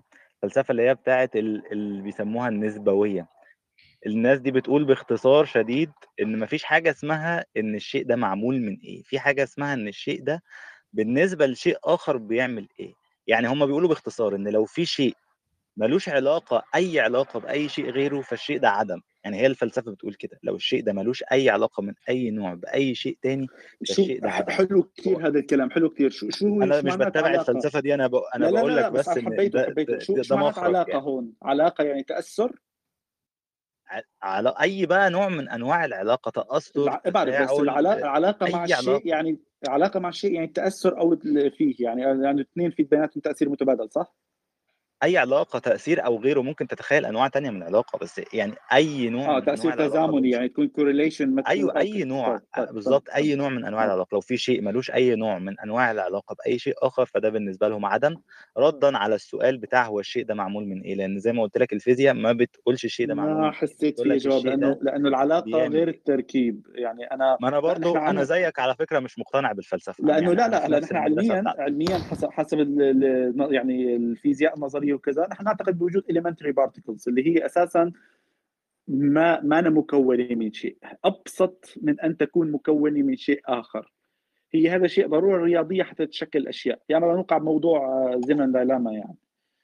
طيب خلينا آه، نرجع أوكي. للنقطة الأساسية بتاعة الوعي عشان إيه من ال... إحنا لو سيبنا نفسنا هن... يعني هنقعد لحد بالليل ومش مش هنخلص يعني. باختصار شديد أنا عارف إن يعني مش هيحصل اتفاق بس أنا ه- هدي بس سمري للي أنا قلته باختصار شديد. أنا آه آه أجاوب بس على لأن ميم قال حاجة كويسة جدا قال حاجة متعلقة بال... بالازدواج. أنا فعلا يعني أنا شايف إن مشكلة ال- المادية أو ال- المادية الحديثة اللي هي بتقول هي المادة فقط وما فيش شيء غير المادة إن هي بتفصل وجودها بوجود الوعي. يعني هي دي المشكلة. المشكلة دي بيبقى لازم ال- الحلول بتاعتها بتبقى ثلاث حلول يا إما الإزدواجية يا إما الناس اللي بتفترض إن الوعي ده شيء والمادة شيء تاني زي يعني أنا آه ممكن من كلامي كنت كان يعني كده بس أنا فلسفتي أصلا غير كده. أنا شايف إن ال ال الوعي هو شيء من المادة بس إحنا بس مش مش مش قادرين نقيسه في المعمل. آه، والفلسفة الأولانية اللي هي بيتبعها معظم ال- آه، العدميين وهي الالوجينيزم إن هو بيقول لك أصلا الوعي ده مش موجود يعني في فلاسفة كبار بينفي أصلا وجود الوعي. يعني هو هو بيقول لك إن في في في شقين من الفلسفة دي. في بيقول لك إن هو وهم بس هو ال- الفلسفة دي فيها مشكلة إن لو قال لك وهم أنت برضه هتقول طب إزاي ال- المخ اللي ملوش علاقة بالوهم ده بي بي بيخلق الوهم ده؟ وفي الشق الأكبر ال- أو الثاني اللي هو فعلا بي بيحل مشكلة الوعي هو بيقول لك أصلا مفيش وعي. يعني ما حدش قبل كده حس بحاجة ما حدش شاف حاجة وما حدش جرب أي حاجة في الدنيا دي. في فلاسفة على فكرة كبار بيقولوا الكلام ده أنا عارف إن الكلام ده ممكن يبان ساذج وشخصيا أنا بيبان لي أنا ساذج حتى لو أينشتاين اللي قاله بس في فعلا ناس بتقول كده عشان هم شايفين إن ده المخرج الوحيد لمشكلة الوعي فبيقولوا مفيش أصلا وعي مفيش حاجة اسمها إحساس بالألم أو مفيش حاجة اسمها اللون الأحمر مفيش كل ده عمليات بس مادية حركات بين الجزيئات وخلاص مفيش حاجة اسمها وعي. والمدرسة بقى الثالثه يعني إن أنا شايف إنها أقرب للحقيقة وهي مدرسة إن الوعي fundamental في المادة يعني المادة ليها مثلا خصائص أولية spin و و و و ومن الخصائص دي إن في شيء اسمه وعي fundamental أساسي ما ينفعش تعمل له derive من حاجة أصغر منه أو حاجة قبليه. هي ما بتبانش في يعني ما حدش يقدر يقول إن الإلكترون بيحس أو بيشوف، بس الإلكترون أو أيًا كان ال الكون معمول من إيه ما حدش يعرف يعني كلّها فرضيات والله أعلم بعد 1000 سنة هيبقى إيه الفرضيات، بس في الآخر لازم يكون الشيء اللي معمول من هو حد معايا والّا أنا سقطت من الroom؟ حد سامعني يا جماعة؟ أنا سامع. آه طيب أنا لسه موجود يعني طيب ماشي أنا حسيت إن أنا خرجت. طيب في آخر المطاف لازم يكون الشيء اللي المادة معمولة منّه لازم يكون فيها مكان للوعي، يعني لازم يكون الوعي موجود وأنت في لحظة إحساسك بالألم لازم تبقى حاسس بالألم لحد آخر نقطة فيك، لإن لو النُقط اللي أنت معمول منها ما بتحسش بالألم، نقطة فوق نقطة فوق نقطة عمرها ما هتوصل للإحساس الكلّي للألم، لازم يكون في شيء منّه في في الشيء اللي أنت مخلوق منّه أو معمول منّه. بس يعني ده ده باختصار اللي أنا شايفه وباشبّهها على طول بمثلًا آآ الد ال الدايرة مثلًا، هل أنت تقدر تبني دايرة من غير ما يكون الأجزاء بتاعة الدايرة فيها شيء من الانحراف أو حتى لو هي مستقيمة تبقى منحرفة عن بعضها؟ ما ينفعش، أنت لو جِبت أشياء مستقيمة وحطيتها فوق بعض بشكل مستقيم، مستحيل توصل لدايرة لإنها هتفضل طول الوقت إلى ما لا نهاية تعمل خط مستقيم، بس لازم عشان توصل لمصطلح الدايرة لازم تجيب شيء منها، اللي هو لازم تعمل انحراف شوية بين الأجزاء بحيث إن بعد وقت لا نهاية أو مليارات الأجزاء تعمل الدايرة، بس بس بس لو ما سؤال؟ بس لو ما أعطيت مثال الدائرة يا رفعت، لأنه الدائرة هي مكوّنة من أشياء مستقيمة بينها زوايا عدد لا نهائي من الزوايا. بالضبط، بالضبط، يعني ليها بتيجي زوايا. مثلث، مربع، مخمّس، مسدس، بعدين مسبّع، متمّن إلى آخره، هيك رح توصل عدد لا نهائي من الزوايا بتصير عندك الدائرة. أمّا آه موضوع. إنه أنت لن تشعر بالوعي إذا لم تشعر به كل الذرات، فأنا لا أتّفق، لأنه لأنه ببساطة أنت عندك شغلات أساسية للوعي، ما دام توفّرت للألم عفوًا، ما دام توفّرت فأنت رح تشعر فيها. يعني هل إذا أنا مثلًا آآ فقدت يد و أو قبل ما أفقد إيدي أنت مسكت جاكوش وضربتني على إصبعي، تمام؟ بعدين أنا إمم. فقدت يد وجيت أنت مسكت جاكوش وضربتني على إصبعي بنفس المقدار ونفس الآلية، هل شعوري بالألم رح يكون أقل من شعوري بالألم المرّة الماضية؟ لأ مش أنت فصلت إيدك عن جسمك يعني تقصد؟ لا، لأ، أنا إيدي اليمين أنت إجيت في في عندي جهاز للضغط بيقيس تمامًا بيعطي نفس الضربة بعد ما تحط الإصبع اليمين، تمام؟ حطيت إيدي اليمين ضربني على إصبعي فحسيت بالألم وأنا قست مقدار الألم وقست كل هاي الأمور. بعدين فقدت ذراعي اليسار ورجعت حطيت إيدي اليمين بنفس الآلية وأكلت نفس الضربة، هل شعوري بالألم أقل؟ أنا هي فقدت ذراع قادر كاملة. أنت قلت أنت قلت إذا لم تشعر بالألم في جميع نقاط جسمك، فأنت لم تشعر بالألم الكامل، هيك؟ أنا اللي كنت فاهمها فهمتك، غلط؟ لأ، لأ، لأ، أنا باتكلم يا دكتور في لحظة الألم، ما أنا قُلت لك في الأول إن ممكن الألم ده أصلًا إحنا نلغيه بالأدوية وممكن أنا أقطع إيديّا خالص وما أحسش بيها بأي إيه ألم، بس الإلغاء بال. مو الإلغاء بالأدوية هو تأثير على ليك أنا عندي كيف، أنا الألم الألم بيكون ناتج عن المؤثر وعن المستقبل تبع هذا التأثير وعن النواقل تبعيته وعن الجزء الدماغ اللي بيحلله، بعدين عن النواقل العصبية اللي بتنقل الاستجابة، بعدين عن الأشياء الأشياء اللي بيتم الاستجابة فيها. إذا أنا باقدر أعزل أي وحدة من هدول فأنا لغيت الألم، إما عن طريق ألبس كف حماية فيمنع المستقبلات بالشعور فيه، أو عن طريق قطع استجابة هدول الأمور للدماغ مثل إنه يكون عندك العصب ما بين ال ال المستقبلات هدول ال synapse ال synapse وما بين الدماغ مقطوع، أو ما بين التأثر العكسي تبعها بعد ما بتطلع من الدماغ، أنا إذا بالعب أي مرحلة من هدول المراحل أنا قطعت الألم. ما يعني ع ن يعني نفس الفكرة هارُد عليك نفس الرد، أنا باتكلم في طيب خلاص يبدو يبدو في في في في. شغلة أنا وياك ما نعرف نفهمها آه، مع بعض يمكن آه، آه يمكن بالضبط. عندي عامةً وياك، يعني أوكي. عارف إن مش هيحصل اتفاق على فكرة يعني ده طبيعي، أنا بس باطلب من الناس إنها تفكّر في النقطة دي لسببين أساسيين، إن أولًا النقطة دي مهمة جدًا، جدًا، جدًا، ثانيًا هي النقطة تقريبًا الوحيدة اللي إحنا كلنا عمرها حقيقتها ما هتقِل، يعني أي حاجة في الدنيا أنت هتبني عليها إيمان معيّن ممكن تتغيّر، يعني الناس مثلًا اللي بانيين إيمانهم على الضبط الدقيق، ممكن بعد 1000 سنة من دلوقتي العلم يكتشف غير كده، ممكن يكتشف إن الكون ما لوش بداية وده وارد على فكرة لأ مش العلم على مش فكرة بعيد. العل العلم اكتشف إنه ما في شيء اسمه ضبط دقيق. على فكرة يعني. يعني هنتكلم في النقطة دي هنتكلم بعدين بس ابدا. الد- الضبط الدقيق بالنسبة لي عمره ما كان الحاجة اللي مخليني متيقن أو مؤمن anyway الضبط كبير. الدقيق الغائي الضبط الدقيق الغائي العلم لا يقول فيه ابدا. أتحدى إنسان يجيب لي شيء عن الضبط الدقيق الغائي مذكور علميا. ماذا أقصد بالضبط الدقيق الغائي أن هذا الكون معمول بدقة لكي ينتج شيئا لغاية ما مثل جماعة ال creationist وال Discovery Institute وبيهي وهدول الشباب الطيبة هدول حد سامعني؟ آه، آه، إيه آه، أوكي انت كنت آه. سامعني؟ طب تفضل تفضل تفضل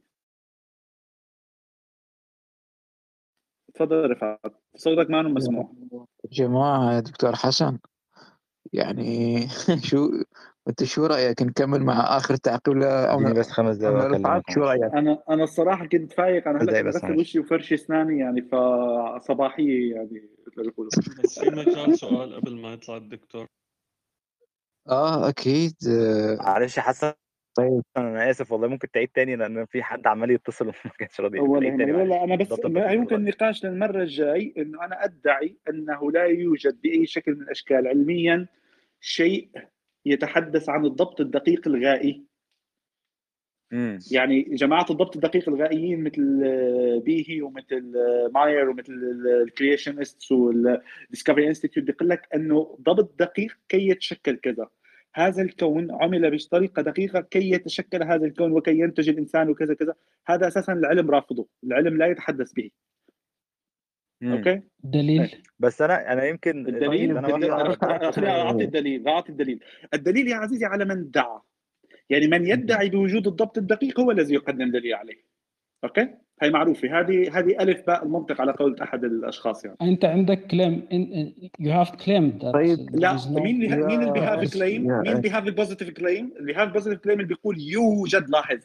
يوجد ضبط دقيق. أنت جيت لعندي قلت لي حسن يوجد ضبط دقيق. فقلت لك أنا كلامك غلط أثبت لي إياه. تفضل أثبت لي الضبط الدقيق.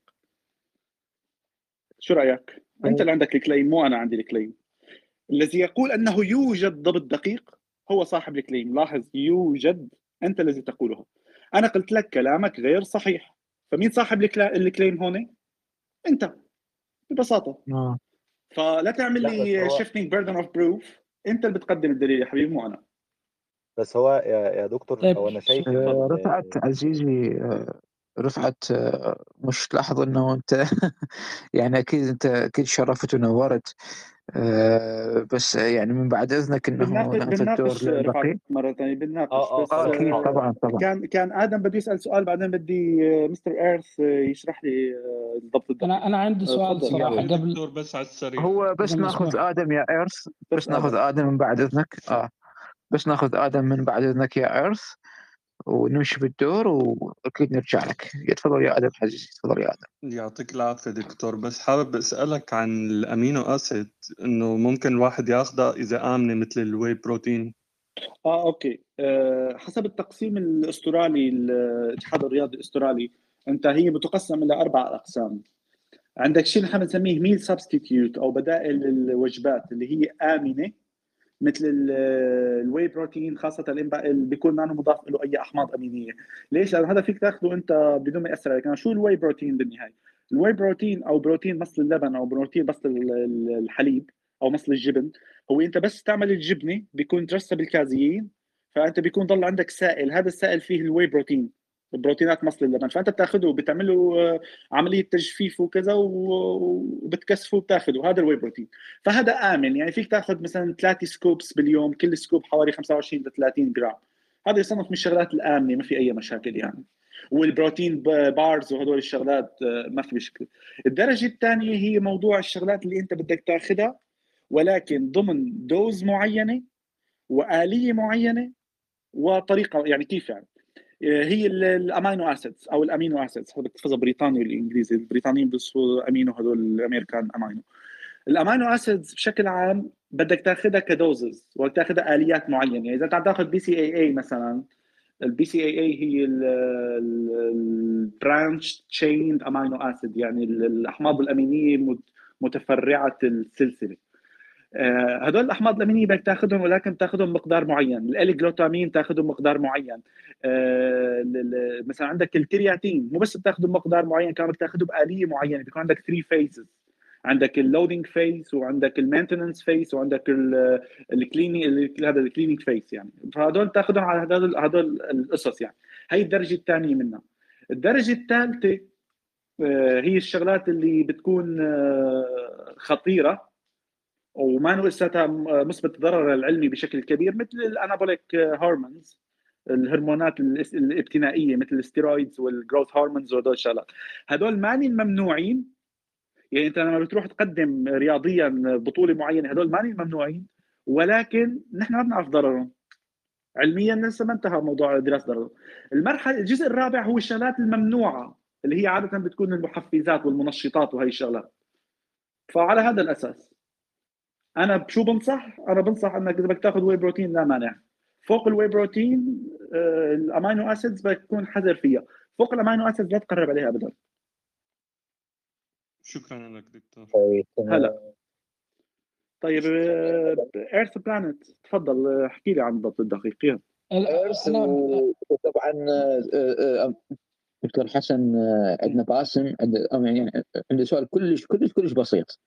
آه تفضل تفضل. وبعدين ناخذ Earth بعدين Earth Planet لا عنده سؤال وبعدين آه، قبل الدقيقة على ما أظن ما هيك يا Earth؟ آه، عندي سؤال بس آه، إيه تفضل. يعني حابب أفهم من وجه- من وجهة نظر شخص ملحد. أنا أنا أفترض إنه أنا ماني ملحد. ملحد أو أنا أنا ماني لا أدري. هو ماني لا. اكتراثيه أنا Earth أنا لا أنا لا اكتراثي. أنا. أنا أتصف بصفة الإله اللا اكتراثي. أنا وياه لا اكتراثيين ببعض. بس تفضل ما في مشكلة. اعتبرني ملحد. طيب. إيه. اللي هو. you don't يعني believe in absolute truth. لا لا. وبدك آه. تسألني إن كنت لا تريد لا تؤمن بحقيقة مطلقة فهذه حقيقة مطلقة. هذا سؤالك؟ لا لا لا. هذا ما السؤال. تفضل. الس- السؤال إنه من أين يستمد شخص لا لا يؤمن بحقيقة مطلقة منظومة الأخلاق؟ يعني بتسمع الغلط والصح. حلو كثير تسمع في بال- الأديان اللي هي تعرف بالحلال والحرام. مفهوم مفهوم. تسمع بال trial and error لا. ال trial and error منظومة الخطأ والصواب أول شيء آه خليني أسألك هذا السؤال مع انك أنت شخص متدين. هل ال- الشيء السيء أو الأخلاق الجيدة هي جيدة بذاتها أو هي ليست جيدة وسيئة ولكنها جيدة لأن أمر الاله أنها جيدة آه، بالنسبة لي كشخص مؤمن. أنا ال- ال- الجي ال- الجيد آه، يعني good and bad uh, that what God tell me. يعني القتل مثلا هل هو القتل أنت بترفضه لأنه سيء بذاته ولا لأنه الاله قال لك لا تقتل؟ آه، القتل آه، في سياقه. مثلا مثلا أعطيك وجهة آه، لا لا القتل بشكل الإسلام. عام هيك القتل لا ما بدي نظرة الإسلام ما نتناقش آه. حب المنظومات الأخلاقية هون ما بدي نظرة الإسلام أنا. باخذ الإسلام جاي كذا هل تمام. القتل ما بالنسبة ما لك دي أنا بستمد منظومة ال- القيم ممتاز. والأخلاق من أنت الإسلام است- استمد آه. من اللي بدك إياه وجاوبني هل القتل آه. بالنسبة. لك هو فعل سيء. بذاته أم هو سيء بما أمرك به الإله ال- القتل ش... آه، قتل الإنسان البريء سيء لأن يعني مأمور يعني القتل قد يكون مبرر قد يكون لا غير مبرر. مين آه، مين على مين سبيل بي- المثال شو كيف أنت بتعرف التبرير من عدم التبرير؟ نعم. كيف أنت بتعرف ايمتى بيكون مبرر وايمتى ما بيكون مبرر؟ طيب مثلا إذا شخص حامل سلاح وجاي يتهجم على بيتي يقتلني أو يسرق أو يسرق من البيت وأنا دافعت عن نفسي نتيجه الدفاع عن النفس حصل حلو إنه. هذا الشخص حلو مات كثير هذا مبرر. خلينا عند هاي النقطة. طيب. هل أنت آه. دافعت هون عن نفسك كي تحمي نفسك وتحمي منفعتك وأهلك؟ واللي مم. دافعت عن نفسك لأن الإله أمرك أن تدافع عن نفسك. آه، لأن الإله أمرني وهذه فطرة. يعني ديني يتوافق مع فطرتي في هذا الموضوع. يعني إذا لم يكن الإله أمرك عن الدفاع عن نفسك أنت ما كنت دافعت عن نفسك؟ آه، أنا قلت لك ديني يتوافق مع فطرتي. ما بغ- بغض النظر عن دينك. يعني أنا ما هي أخلاقية بالضبط؟ هون.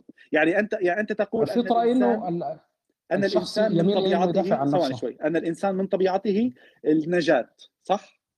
مهم. حلو كتير طيب إذا نعم. كان الإله لم يأمرك بالدفاع عن نفسك هل كنت دافعت عن نفسك؟ لا هيك كنت حدافع عن نفسي حلو كتير إذا نحن نعرف إنه آه طيب موضوع مساعدة الآخر اللي هي معنا من الفطرة مثلا أوكي خلينا نقول معنا من الفطرة مساعدة الآخر إذا لم يأمرك الإله بمساعدة غيرك ووجدت غيرك لا لا. لا هسه أنا ما ثواني قبل جايك ما نمشي قدام لا لحظة. رح اوصل لا لا بسالك مشان نفهم مشان افهمك الموضوع. جاوبني آه. معلش تحمل آه. إذا لم يأمرك الاله بأنك تساعد غيرك مم. وأنت مساعدتك لغيرك لا ليس لها علاقة مثلا والنقد بالفطره هل كنت آه. ستساعد غيرك إذا كنت تستطيع أن تفعل ذلك؟ كنت اساعد إيه. ليش؟ قلت لك تر- أتوافق مع الفطرة. لا لا لا الفطرة ما فيها الفطرة هي eat survive reproduce تمام؟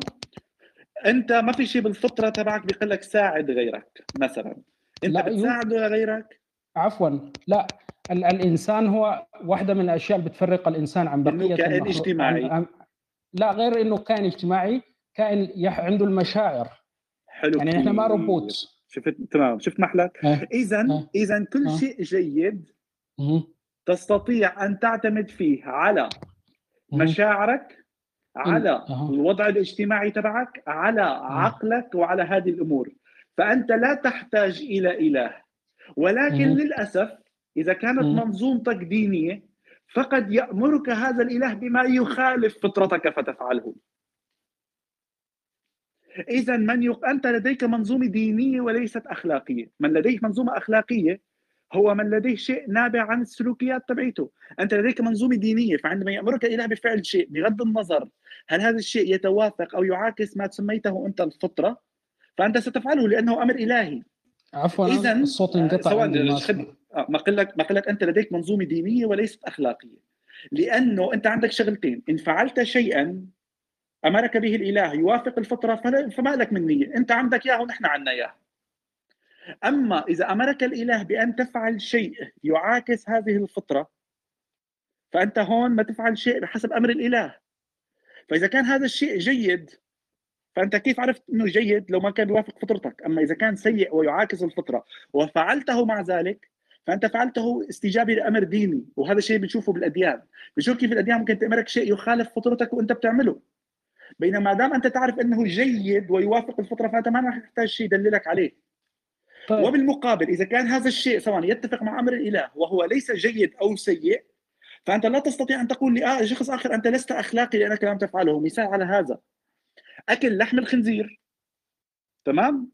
أكل لحم الخنزير يا عزيزي نحن لا نجده لا سيئا ولا جيدا في العقل هو لحم مثل غيره.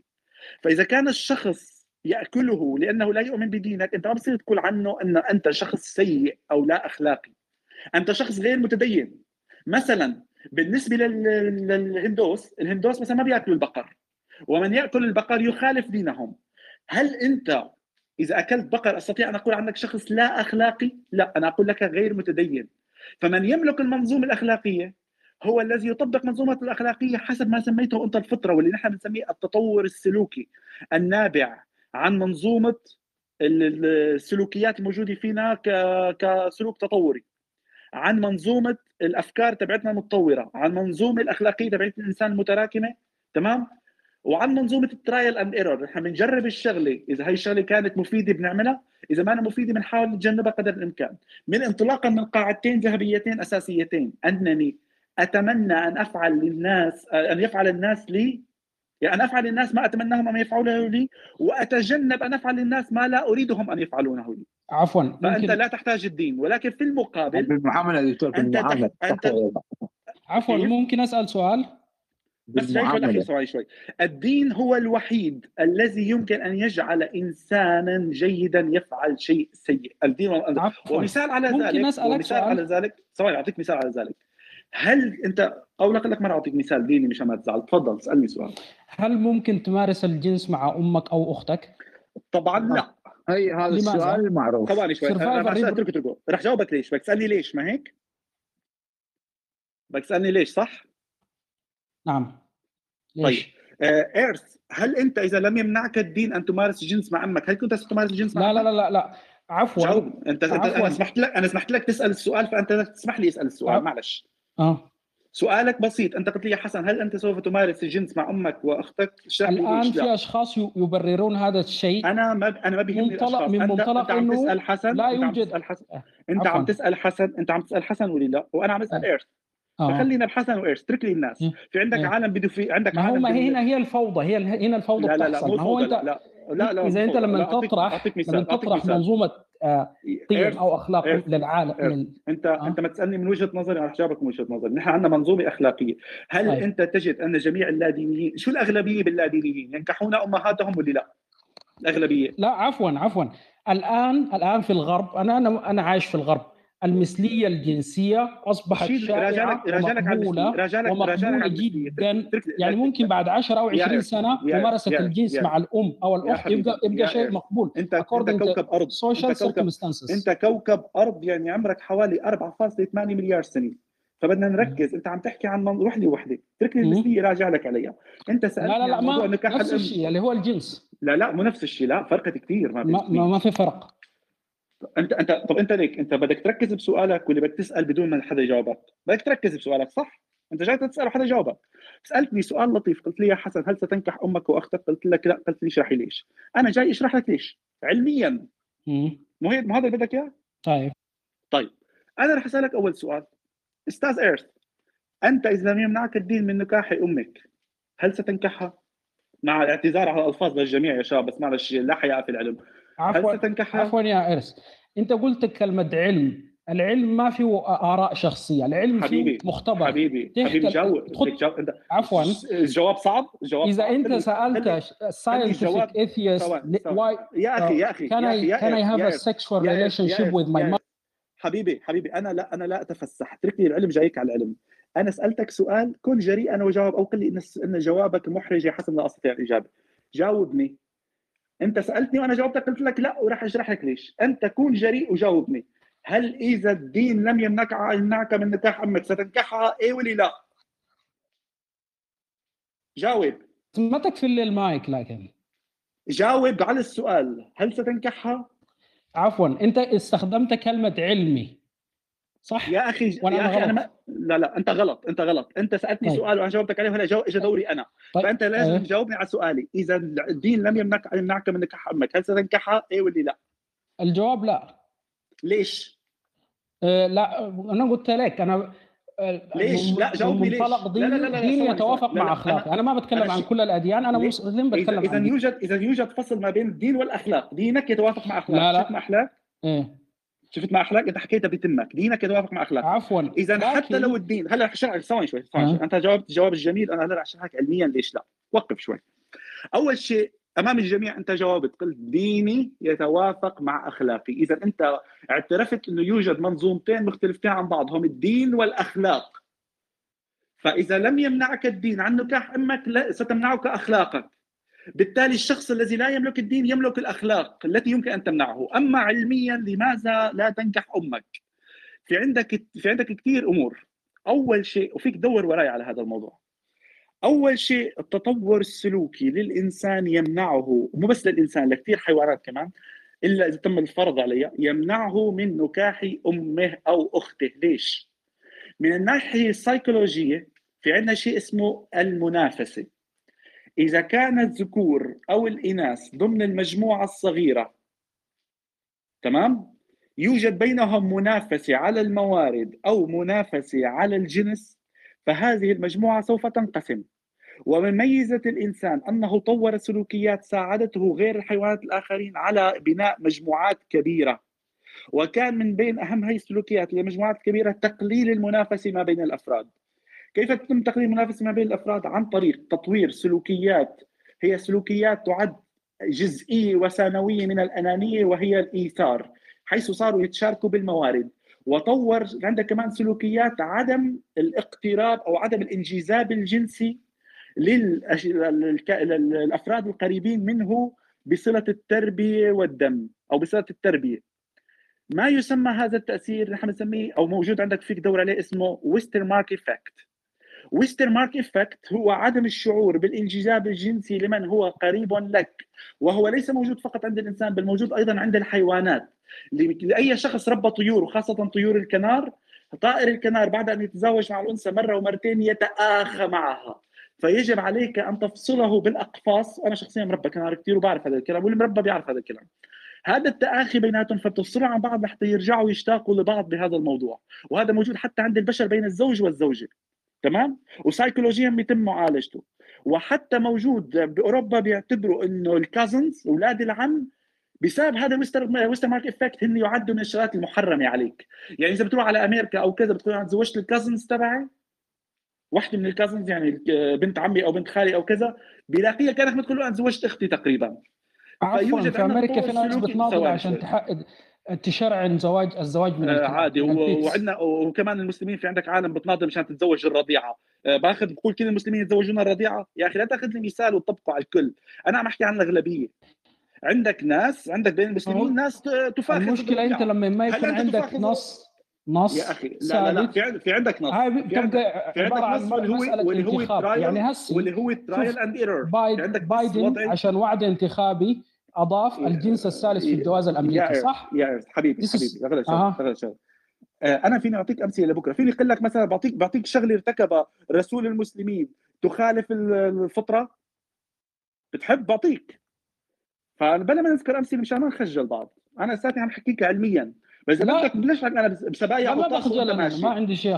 حلو. بتحب نحكي بسبايا وطاس؟ خلينا نحكي علم أحسن. أنا الدين ما بحب ناقش فيه. بحسه أنا لا اكتراثي الدين. بحسه شيء سخيف نناقش فيه. أنت عم تسألني سؤال علمي وأنا جاوبتك علميا بتقول لي بايدن. مين بايدن؟ بايدن مسيحي يا حبيبي. بايدن أقسم على الإنجيل بايدن. آه، بايدن لما راح أقسم على الإنجيل. حتى يعني. لا لا هو هو هو أقسم على الإنجيل بايدن.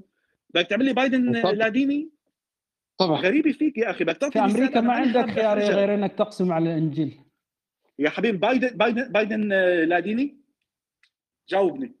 ما بعرفه؟ لكن في أمريكا إذا لا ت... اذا اذا أنت لا بتؤمن تعرفه- بحجر لازم إذا تقسم على إذا الانجيل كنت لا تعرفه إذا لا تستشهد فيه.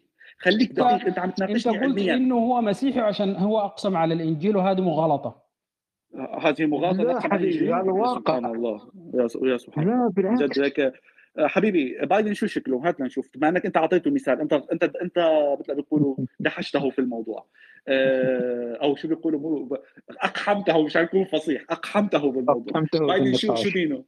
شو شو دينه لبايدن يا بغض النظر عن دينه بغض النظر يا شباب اذا بغض عفواً. النظر عن دين الشخص. أخذه. كمثال لا لا عفواً. لا مو عفوا أنا أخذته. كمثال في إنه لما ما يكون عندك خليك- truth يا يا ايرث يا ايرث يا ايرث اذا اذا بغض النظر عن شو دينه ممكن يكون سيخي أو مس أو مسلم أو هندوسي أو كذا أنا بدخله وبقول عنه لا ديني عادي المهم إنه يثبت ك... لا لا ما في شيء اسمه بغض النظر في شيء اسمه دقة بالكلام لأنه كلامك يحسب عليك بس أنا إذا بدك بعطيك أنا إذا بعطيك you're- you're- آه صحيح. أنا أنا miss the point يا شباب. أنا miss the point إنه عم يستشهد بواحد مسيحي على إنه لا ديني أنا النقطة وما اللي. أثرتها إنه لما يكون عندك مجتمع فيه ما فيه قيم ثابتة المجتمع طيب. بيكون أنا أنا بدي أسألك سؤال يا آه، آه، مستر ايرث آه، في نائبه بال بالكونغرس الأمريكي اسمها الهان عمر. سامع فيها؟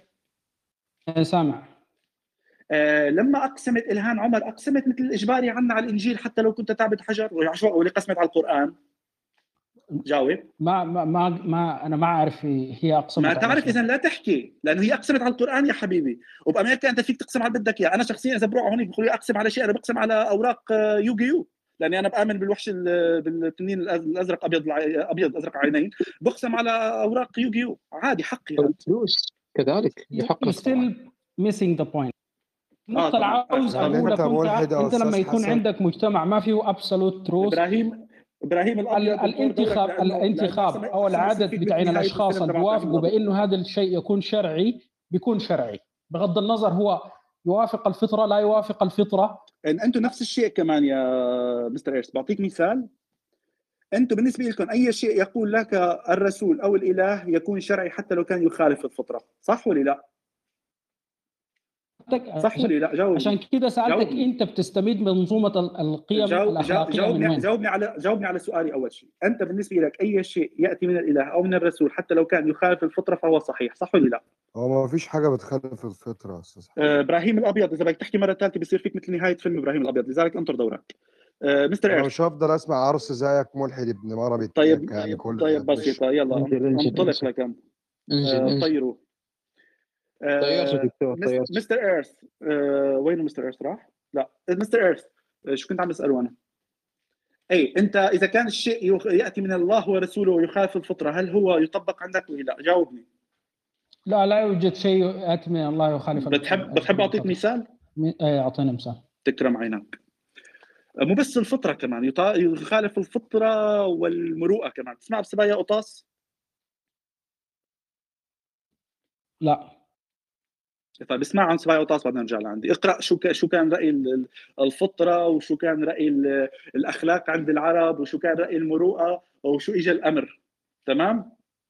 هل الحرية من الفطرة يا أخي آه، إيرث؟ هل حرية الإنسان من الفطرة؟ سؤال جاوبني كلش سهل كلش نعم سهل آه. هل. الحرية من الفطرة ولا لا؟ نعم نعم. هل الأديان التي تن- تنظم العبودية تخالف الفطرة أو لا.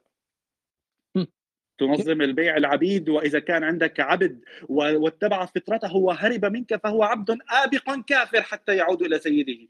هل تخالف الفطرة ولا لا؟ طيب ها واصل جاوبني. واصل في مثالك طب حلو كثير أنا أنا باعتراف المستر إيرث انه الحرية هي من الفطرة. تمام؟ طيب. هي أساسا الحرية. ولكن أنا عندي أديان تسمح لك بإنك تسبي الناس وتخليهم عبيد. تسمح لك ببيع وشراء العبيد تسمح لك بوطء العبيد. ومو بس هيك إذا هذا العبد حب يتبع الفطرة تبعيته لأنه الدين لا يخالف الفطرة واتبع حريته وهرب من سيده أعطي المثال أعطي. المثال المقدمة طويلة أعطي المثال. أعطيتك مثال أنا أول شيء وأنت قلت لي كمل. قلت لك أنا يلا أديني الدليل ما ما يعني ما كلام إذا هذا كلام أعطيني دليلك. تسمع بالعبد ال- تسمع بالعبد الآبق يا لا؟ أعطيني دليلك. الآية من القرآن أو الحديث الصحيح تسمع تسمع بالعبد الآبق ولا لا؟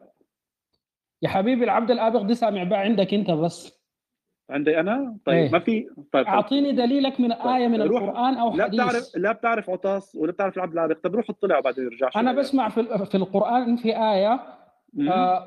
فتحرير رقبه فتحرير رقبه فصيام ثلاثة أيام فتحرير رقبه آية مكررة جدا إنه الإسلام شجع على تحرير العبيد. آية أعطيني آية واحدة بالقرآن أو حديث. واحد يقول لك يجب منع العبودية، واحد بس، لا في في آية. واحد لا بس. عفوا حسن.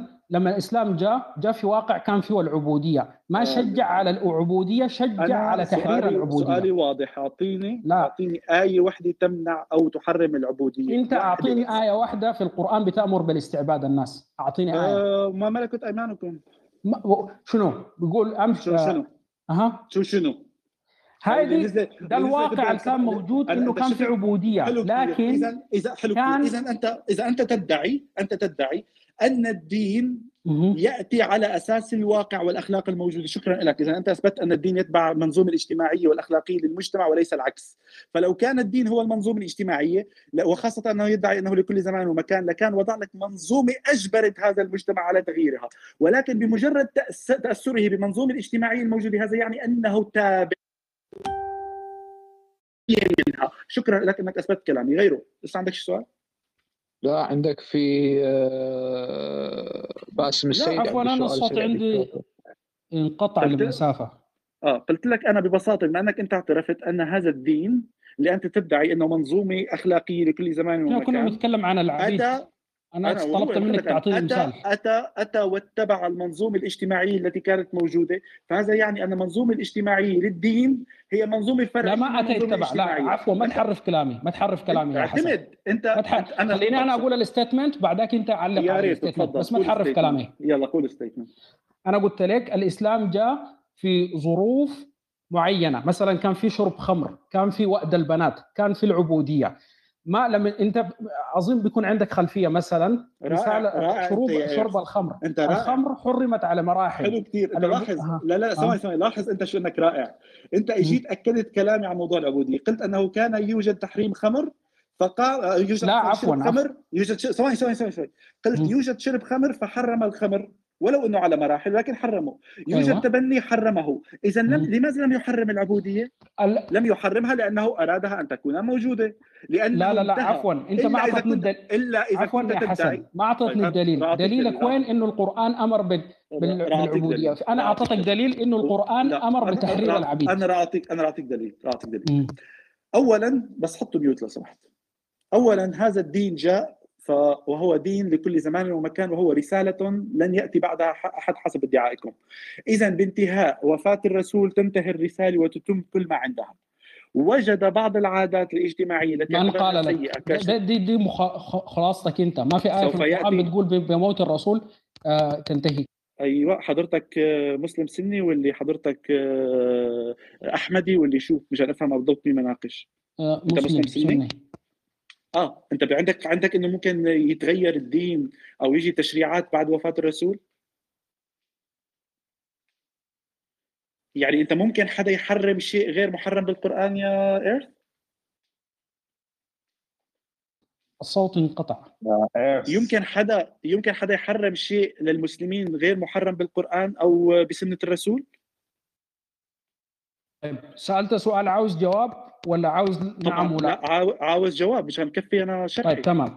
الإسلام في مصادر التشريع أربعة القرآن السنة الإجماع القياس. تعرف يعني شنو القياس؟ وهل أنت تستطيع تعرف يعني شنو القياس؟ السؤال. افهم علي من ضمن آه. المسائل هل تستطيع أن تحرم وليس تعطلها لاحظ كلمة تحرم وتعطل. هل تستطيع أن تحرم ما لم يحرمه الرسول والله؟ وليس أنا سألتك. سؤال محدد يعني أنا مثلا وأنا. وأنا فهمان عفواً. أنا عفواً. سؤالي لك سؤالي مثلاً. لك. هل يستطيع أعطيك مثال- الإجماع- أعطيك مثال يا- هل... يا حسن. أنا لا قبل قبل أعطيك مثال يا. حسن جاوبني جاوبني لا تهرب من الجواب هل يستطيع الإجماع أن يحرم وليس يعطل يحرم ما لم يحرمه الله ورسوله أعطيك جاوبني. مثال يا حسن لا جاوبني على هالكلمة قبل ما تعطيني مثال القياس اليوم في شيء اسمه مخدرات اسمها ال- الحشيش لا لا لا لا لا لا لا لا لا آه، هذا هذا شيء هذه في زمن. الرسول كانت ما موجوده اسمع وكانت اسمع ما لا الرسول حرم كانت ما محرمه الرسول واليوم الرسول محرمه حرم من قبل الرسول لا لا الرسول آه. حرم المخدرات قال آه. كل ما يخامر العقل خمر وحرام فالرسول حرم المخدرات تمام. كلام فارغ خلاص في أنا في ما- قياس فهمت لا انت لا لا لا معناها. بتفهم لا. القياس اس- أنا بفهم القياس وأنا مقل لك وعارف شو ما حكيك أنا طيب. اسالك سؤال هل يمكن لشيء لم يذكره الرسول وكان على أيامه وكان مباح؟ مم. تمام؟ هل يمكن إنه يتم تحريمه لاحقا؟ آه، ما ما قادر أفهم السؤال صراحة. إذا كان شيء موجود أيام الرسول والرسول لم يحرمه أعطيني م- مثال. إيه هل أنا ممكن هلا كمثال. أطلع؟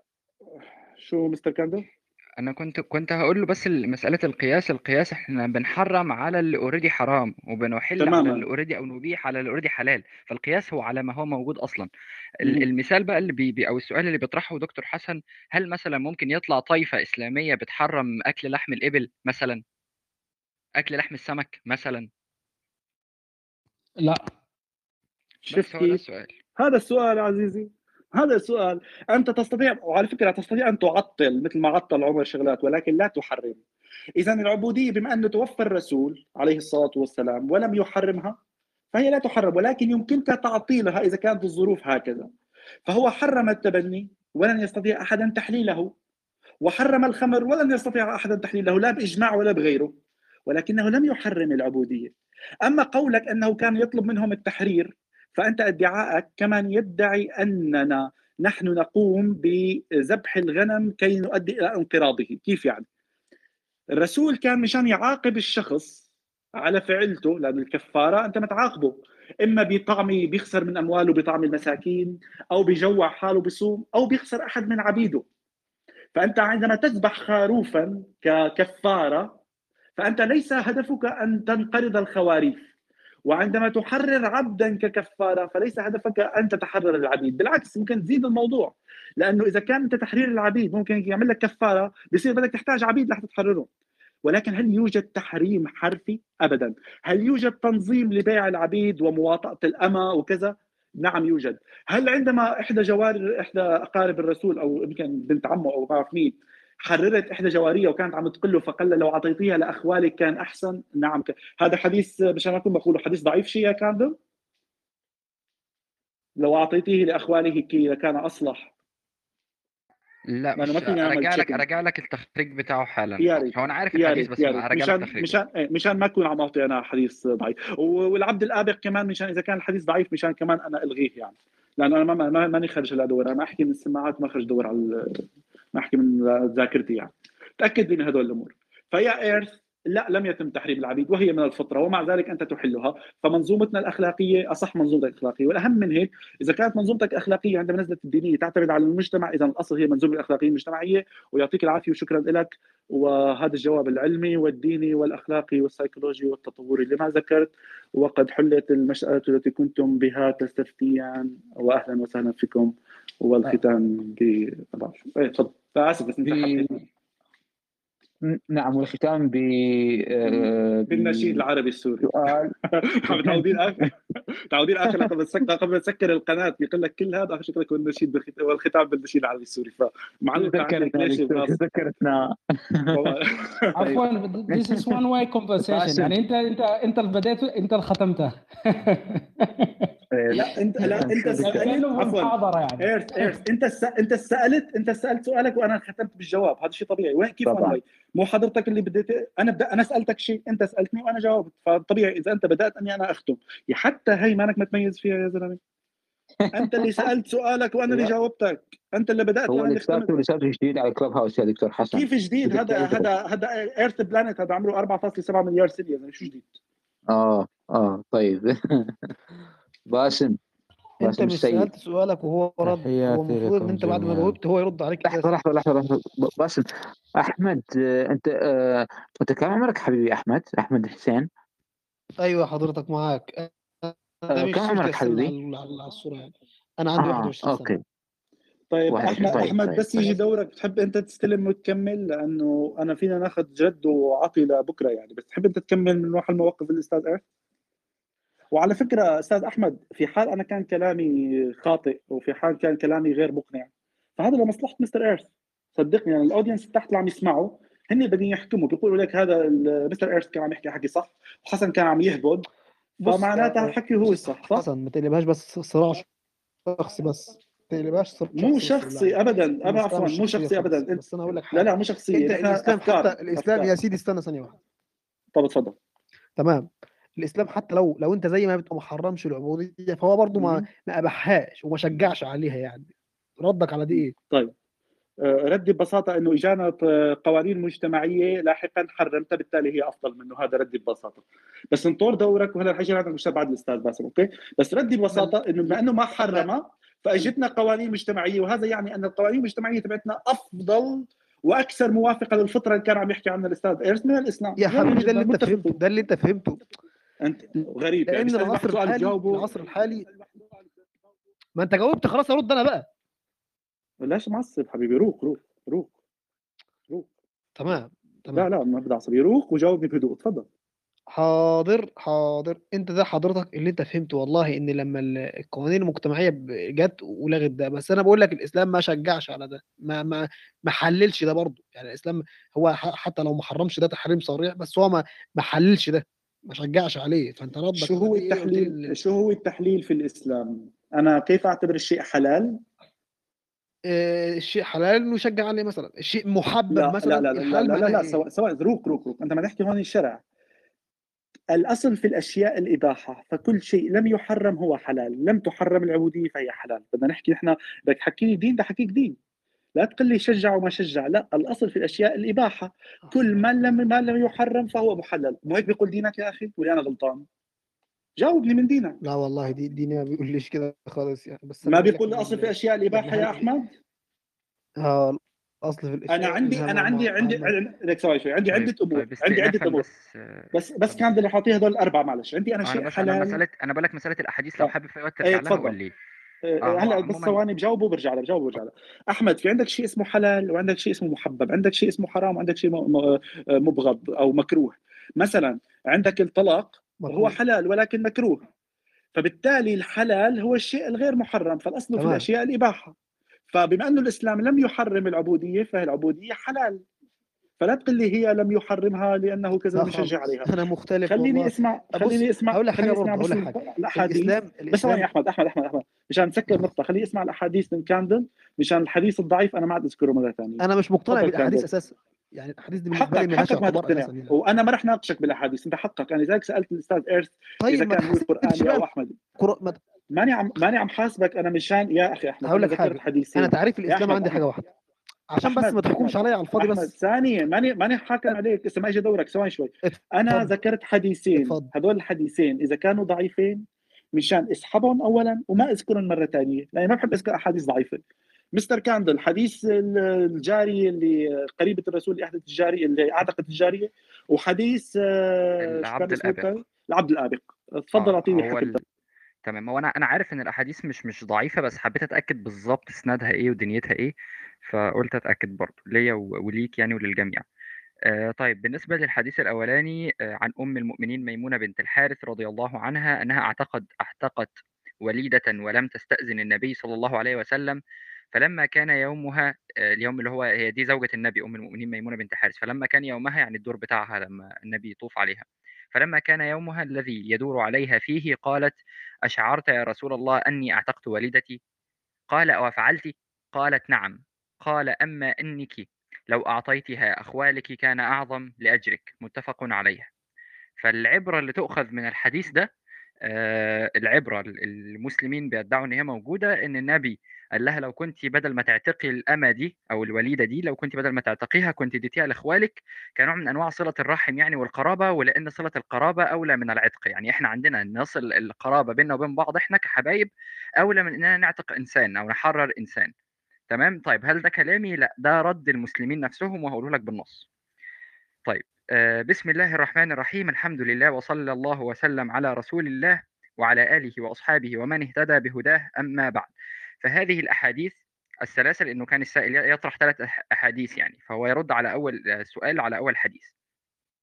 فهذه الأحاديث الثلاثة تدل على فضل صلة الرحم آه، فضل الصلة للرحم ولو كانوا غير مسلمين آه، لأن في آيات تانية كانت في واحدة تصل أمها وسألت الرسول أصل أمي وهي راغبة عن دين الله فقال لها صلي أمك. فهو بيتكلم عن أحاديث صلة الرحم ومن ضمنها الحديث بتاع العتق ده.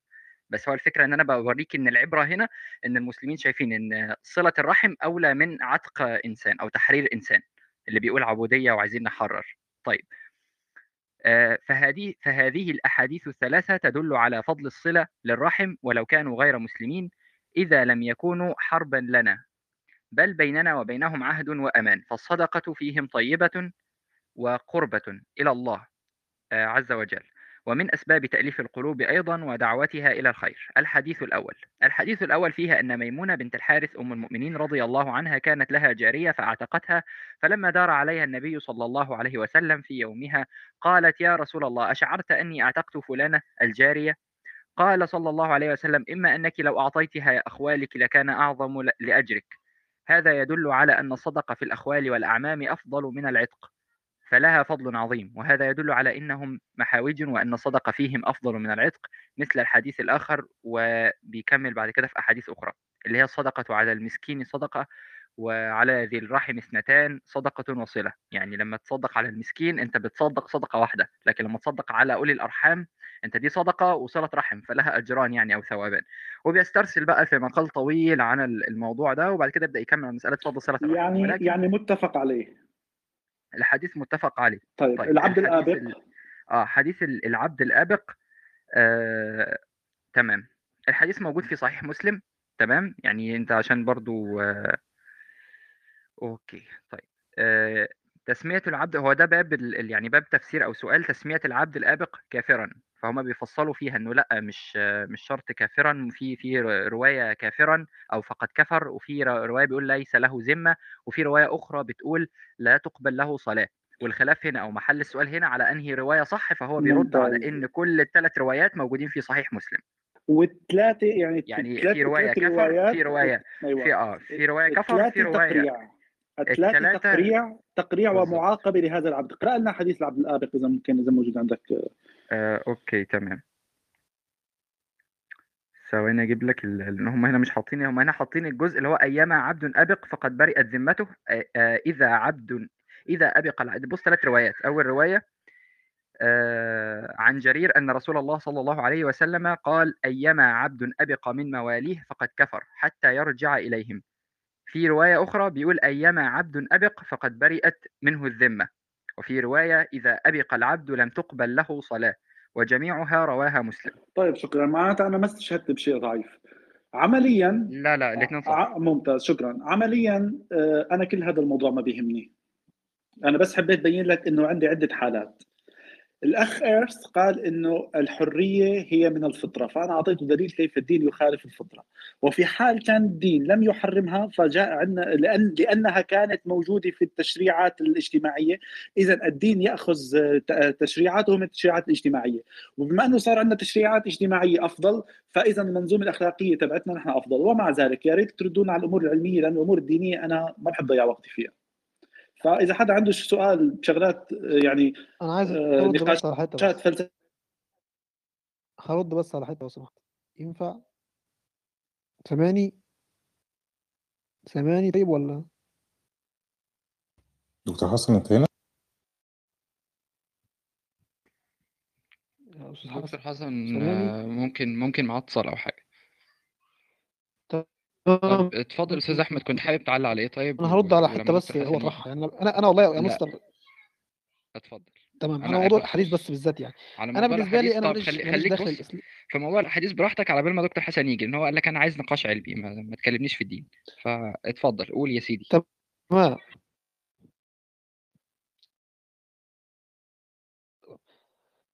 أنا سواء صالحين أو فاسدين هم غالبا معظمهم فاسدين يعني.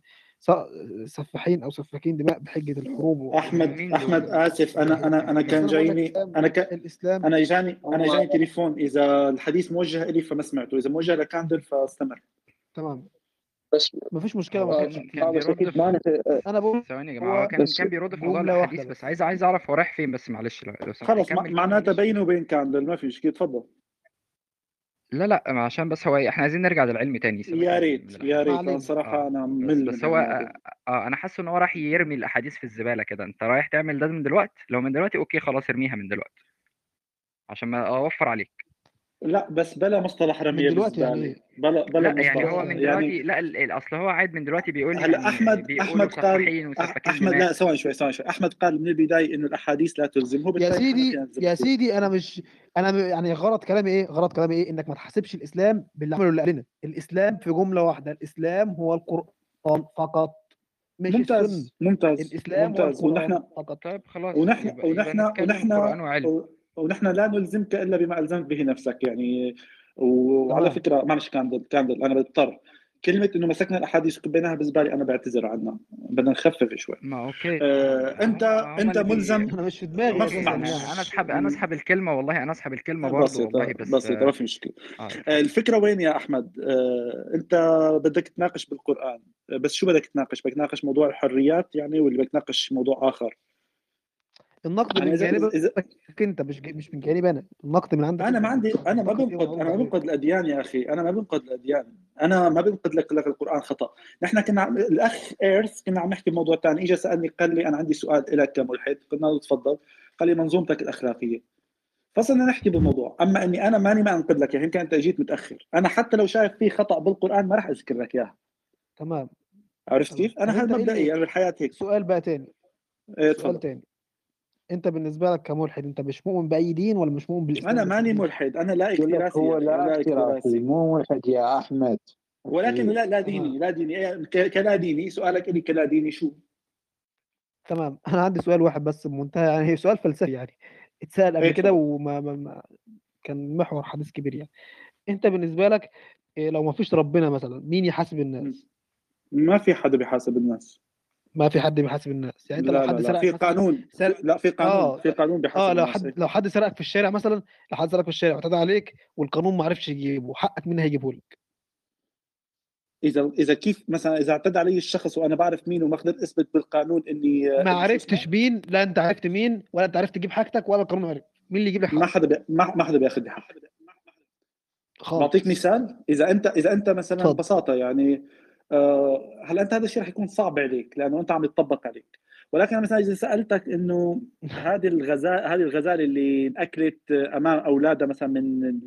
من الأسد مثلا آه، أو من النمر أو من الفهد أو كذا من يأخذها حقا بتقول لي هذا شيء طبيعي نحن عمليا عمليات السرقة وعمليات الكذا وهي الكون هي ماشي هرد عليك طب انت. انت. أنت قلت ان أنا ما خلصت بس رد علي أنا ما خلصت لا أنا ما كنت بقول طبيعي أنا ما كنت بقول طبيعي. ما تفرضش عليا إجابة وتكمل على أساسها. أنا هسه ما فرضت شيء ما ما تفرضش عليا إجابة من عندك. ما تفرضش عليا يا إجابة من عندك يا أحمد ليش وتكمل على اساسها قلت هسه أنا هسه ما كملت شيء. أنا ما بقول لك في حال في حال لسه ما ردتش على فكرة. اتفضل. أنا لسه ما حكيت لحتى ترد. طول بالك ليش معصب ثواني شوي. أنت قلت لي في حدا حال اعتدى عليك. قلت لك أنا بحاول. اخذ حقي منه. جدا يعني. طب راح أحكي ببطء راح أحكي ببطء مشان آخذ ببطء. تحملني معلش. أنت سألتني في حال حدا اعتدى عليك وأنت هذا الشخص لا ما بتعرفه والقانون ما قدر ياخذ لك حقك فما النتيجة؟ النتيجة أن حقي ضاع. تخيل. هيك تمام؟ تفضل جاوبني. لا مش تمام والله. يعني لا مش تمام والله وده مش يعني- حقيقي. يعني بس أنت بتتكلم عن عن سيرة ليش مو حقيقي؟ قانون كيف عرفت الطبيعه إنه نفسه إن حقيقي؟ الأسد طب أنت الأسد بالنسبة لك لو ما كلش الغزالة دي المفروض ياكل إيه؟ هلا حلو سؤالك حلو. أنا أعطيتك انه ممكن شغلات طبيعية. في عندنا شيء بالفلسفة بيقول لك الحاجة للشيء ليس شر... ليست شرطا لوجوده يعني أنا كوني محتاج إنه يكون في حدا يرد لي حقي بدون أنا ما أعرف كيف بدي رده أنا هذا الحاجة موجودة ولكن ليس بالضرورة أن يكون هذا الشخص موجود. إذا أنا كنت محتاج انه يوجد ماء يسقي جميع الأطفال لما يموتوا عطشا هذه حاجة ولكن لا يعني بالضرورة أن يوجد شيء سوف يسقيهم. لذلك بما أنه نحن لا نعتقد أنه لا يوجد أخ- أحد سوف أنا معك ما تخليني انت اكمل طب شو رايك شو رأيك نبلش من نبدأ من الأول؟ نبدأ من الأول. خلينا نبدأ مشان نكون أنا جاوبك أنت بتحب الأجوبة القصيرة. ابدأ من الأول معي وراح جاوبك اجوبه قصيره مشان ما أوترك. تفضل. اسألني مش سؤالك من قصيرة والله مش قصيرة بس أنت أنت بتفرض حاجة من عندك من طيب أنا أنا قلتها لك وأنا ما قلتهاش والله العظيم ما قلتها. آسف إني فرضت حاجة. طيب أنا أنا بعتذر. أه، اطرح من الأول مشان ما أفرض أي شيء. بوعدك إني ما أفرض أي شيء. تفضل. شو كان سؤالك؟ تمام. أنت بت... أنا قلت لك تمام. أنا سألتك سؤال بسيط جدا. لو أنت حد اعتدى عليك مش شرط اعتداء يعني سر اعتداء عموما يعني. وأنت ما عرفتش تعرفه هو مين ولا القانون عارف ي... ولا. القانون يعرف يجيب لك حقك ولا أنت عرفت ولا حد يعرفه خالص. خالص فأنت صحيح مين اللي هيجيب لك حقك في رأيك كده مثلا؟ سؤالك جميل. خليني أجاوبك عليه وأسرع ما يمكن. بهاي البساطة حقي في هذه اللحظة بيكون ضاع ولكن يجب علي أن أطور المجتمع وأطور الآليات التي ممكن إني ما تخليني أرتكب الخطا مرة ثانية. فبنخت... فبركب مثلا أنا بالبيت تبعي اجى حدا سرق البيت تبعي وما عرفت مينه ولو قال عرف مينه. معناتها أنا هون ارتكبت خطأ يجب إني اركب CCTV للبيت فبركب CCTV مشان المره الثانية أعرفه. ولكن حقي الأول ضاع وراح. خلص جوابي. أنا مش شايف إن ده عدل بأمانة والله. بس أنا بقول لك حتى لو ذكرت لا ما عدل مفهوم ال وهي النقطة بص أنا أنا اللي لك فايدة واحدة بس فايدة واحدة بس الالحاد بس يعني فايدة واحدة بس. إن أنت في كون الإنسان في كون الشخص بيؤمن بافكار الحاديه إن هو ده بيزود اعتماده على نفسه بشكل كبير جدا جدا يعني. فده صحيح. مفيد وهي جدا في الحياة الواقعية وهذه علي دراسه صحيح هذا الكلام. هاي علي دراسة. ده كلام يعني جميل في جدا. دراسة يعني دي, بتقول دي حاجة دي الميزة الوحيدة في الإلحاد عموما. يعني بس انت أنا بقول لك إن في ربنا بدي وفي حد شغله الناس بعد ما تموت. بدي أقول لك شغله عن الإلحاد. الإلحاد ما منظومة اجتماعية ولا منظومة فكرية ولا منظومة شيء. لا لا لا هو لا هو مو أفكار. هو ببساطة رفض لأفكار مطروحة لم يقتنع فيها. يعني أنت مثلا مثل أشخاص عندهم قوانين تحكمهم أثناء لعب التنس تمام؟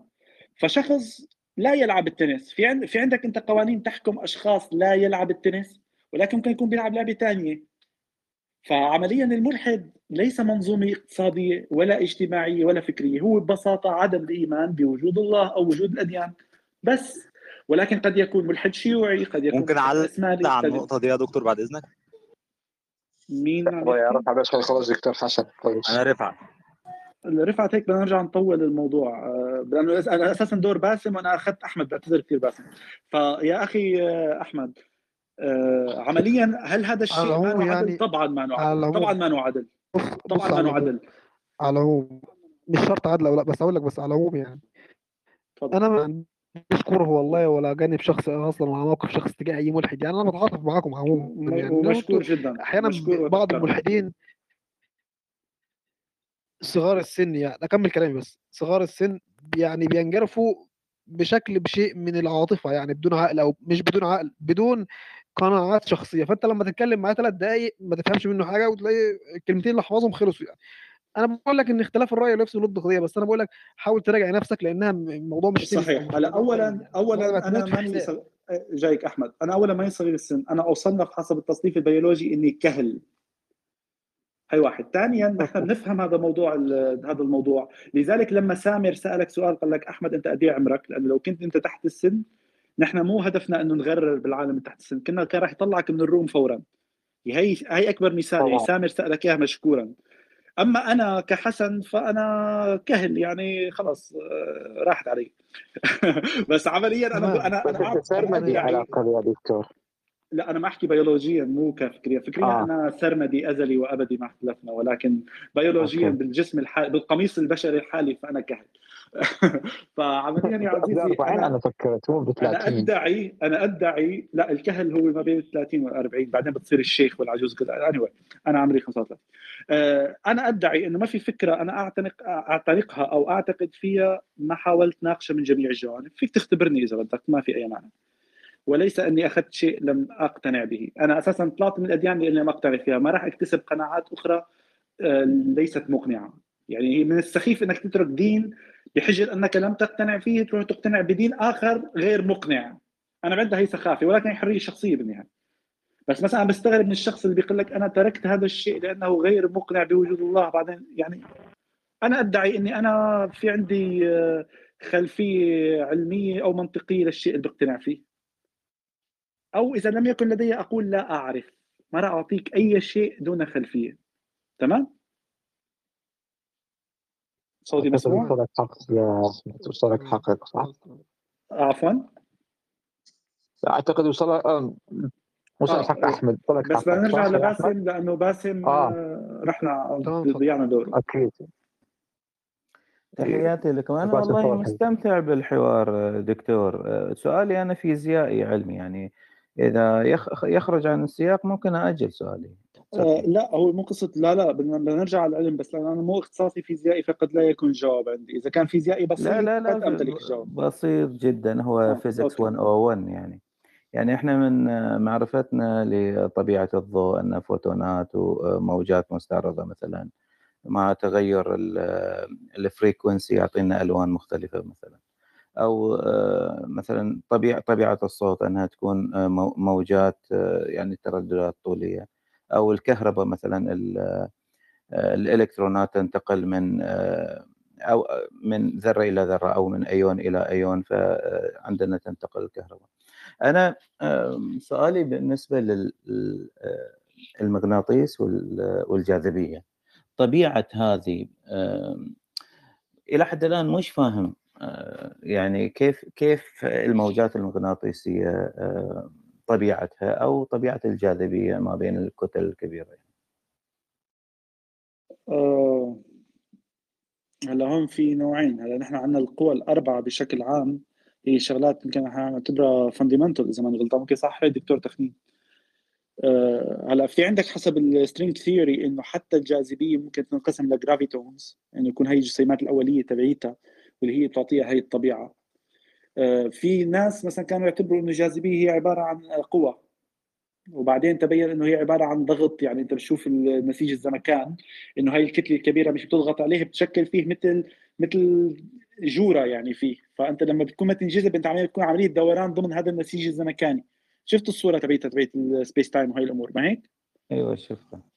إيه فهذا الشيء بصير يبين لك إياها كأنه هي عمليا هي ما عم تنجذب بقوة هيك تأثير قوة بل هي عملية حركة بيناتهم. وكل ما كانت أكبر الوزن تبعها كل ما كان التغير أو الانحراف هذا ال curvature تبع ال space time كل ما كان أكبر. بالتالي كل ما كان تأثير ال- ال- الشغلات اللي بتدور حولها أكبر. لذلك العملية بتكون دورانيه حولها. فكطبيعة في عندك الموضوع هذا ال space time وال curvature تبع الانحناء الزمكاني ممكن يفسر هذه الأمور. كيف هي تشكلت أنا حسب ما بعرف إنه حسب string theory في عندك شغلات بتقول لك إنه في عندك ال gravitons اللي هي الأساس تبعها أه فما بعرف إذا هذا الشيء ممكن يوضح الموضوع.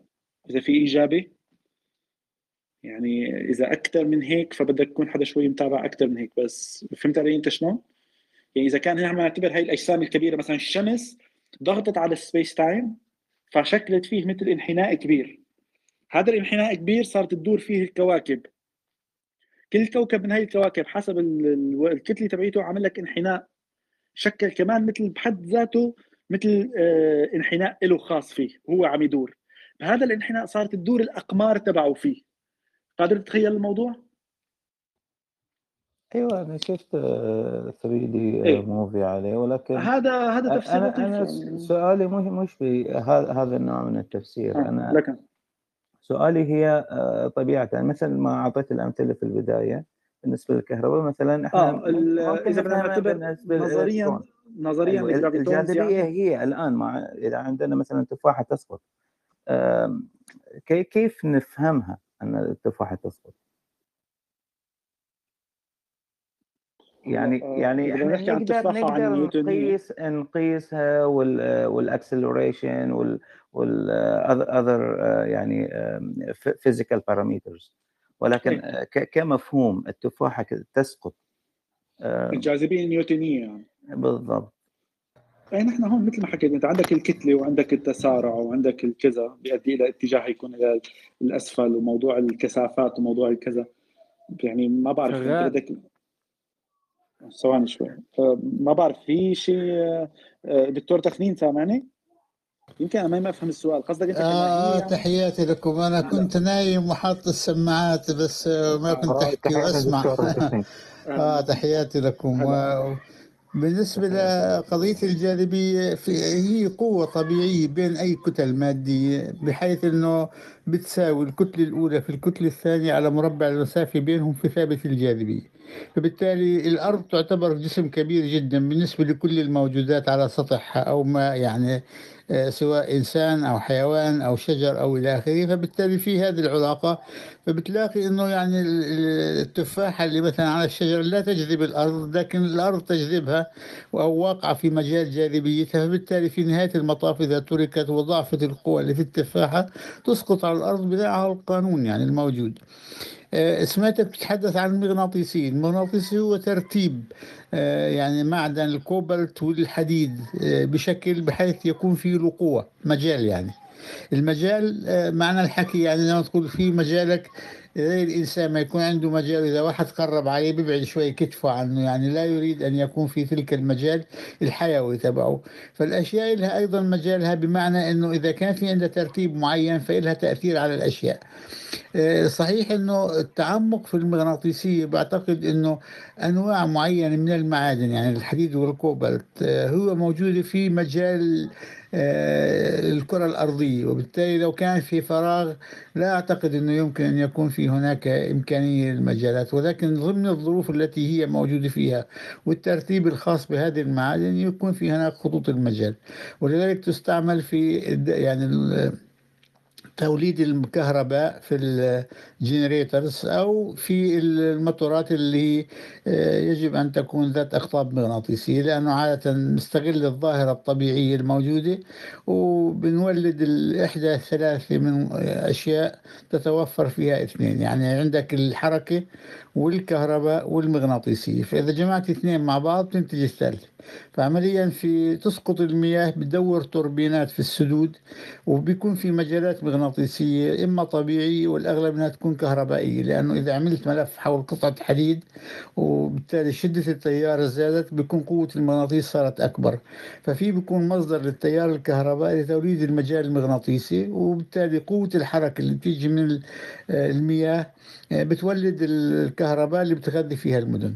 الموتورات بالعكس إنه بكون في عندك أنت الملفات في ستاتر وسيروتر يعني الجسم الثابت والجسم المتحرك بحيث إنه يوم يمر تيار كهربائي بيعمل مجال مغناطيسي متنافر مع وجود آه، مغناطيسات طبعا آه، يعني آه، أقطاب يعني مغناطيسية. مثلا إذا كان اثنين حسب الأزواج يعتبر فدوره الموتور بتكون في حدود 3000 لأنه إذا الذبذبة تبعت التيار الكهربائي 50 هرتز كما هي في دولنا يعني وفي أغلب دول العالم تضرب في 60 وعلى عدد الأقطاب المغناطيسيه المزدوج بيطلع السرعة النهائية اللي يمكن الموتور يدور فيها 3000 دورة في الدقيقة.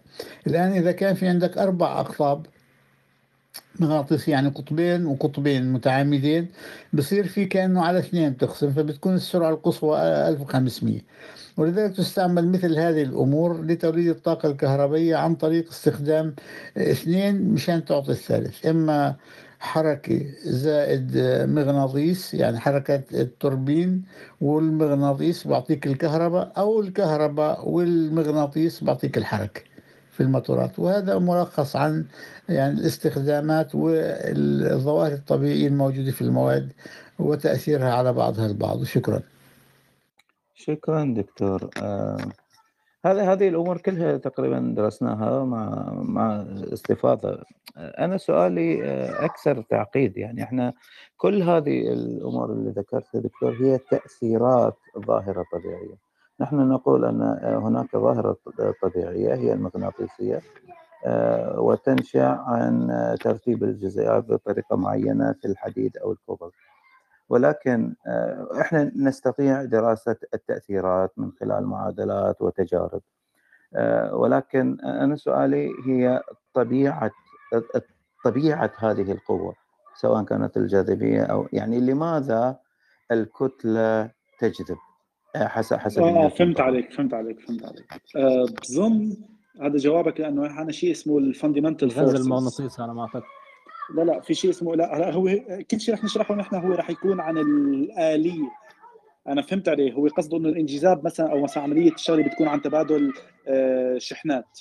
طب هي ش... بس عبد إذا ممكن تحطه mute لأنه في عندك ضجة لو سمحت آه، نحن عندنا هي القوى الأربعة ال fundamental forces يعني عمليا شيء نحن ممكن ما فينا نبسطه أكثر من هيك إلا نظريا. والتبسيط النظري تبعها كان بال gravitons اللي قلت لك أنا ب string theory ولكن هي شيء fundamental يعني أنت مثل إذا ما تقول مثلا والله الكواركات من شو بتتكون؟ الكواركات آه، يعني هي شيء fundamental شيء elementary particle فالقوى الأربعة هي شغلات fundamental نشأت مع هذا الشيء وعمليا آه، لما بتختفي هذه أو بتجتمع مع بعضها أو كذا مثل ثابت بلانك نحن بنوقف. بنقول ما عاد بنعرف شيء. فهي شغلات fundamental بظن يعني هي شغلات تفسر الأشياء الأخرى ولكن ما عندنا شيء يفسرها حتى الآن. إذا ما كنت مخطئ لكن أنت بالنهاية بدك حدا يكون مختص فيزياء ممكن الدكتور نسيم الدكتور محمد الشمري الدكتور معتز يشرحوا أكثر. ولكن حسب أنا معرفتي فيها إنه هي تعتبر ضمن ال fundamental forces القوى الأساسية المؤسسة. فإذا بدك تروح نعم بالضبط الجاذبيه إيه؟ من القوى الأساسية التي تفعل دورها في الكتل بين الكتل يعني. فعمليا أنت ما فيك تبسطها أكثر من هيك. إلا نظريا برجع بقول لك إنه أنا حسب بعرف يعني مثل بقول لك موضوع تسرب الجرافيتون كون أو كذا أو شيء بحكم إنه يلاقوا انه قوه الجاذبية هي ضعيفة جدا ما في شيء ببرر هذا الموضوع. هي من أضعف القوى. فعلى هذا الاساس يعني هي صعبة. هي ليك أنت إنك تتخيل شيء لا يمكن تجزئته صعب. ذهنيا أنت صعب. يعني مثلا بقول لك أنا الوتر تبع string theory هو طوله طول ثابت بلانك ولا يوجد اقصر من هيك. بتقول طب أنت عم تقول كلمة طول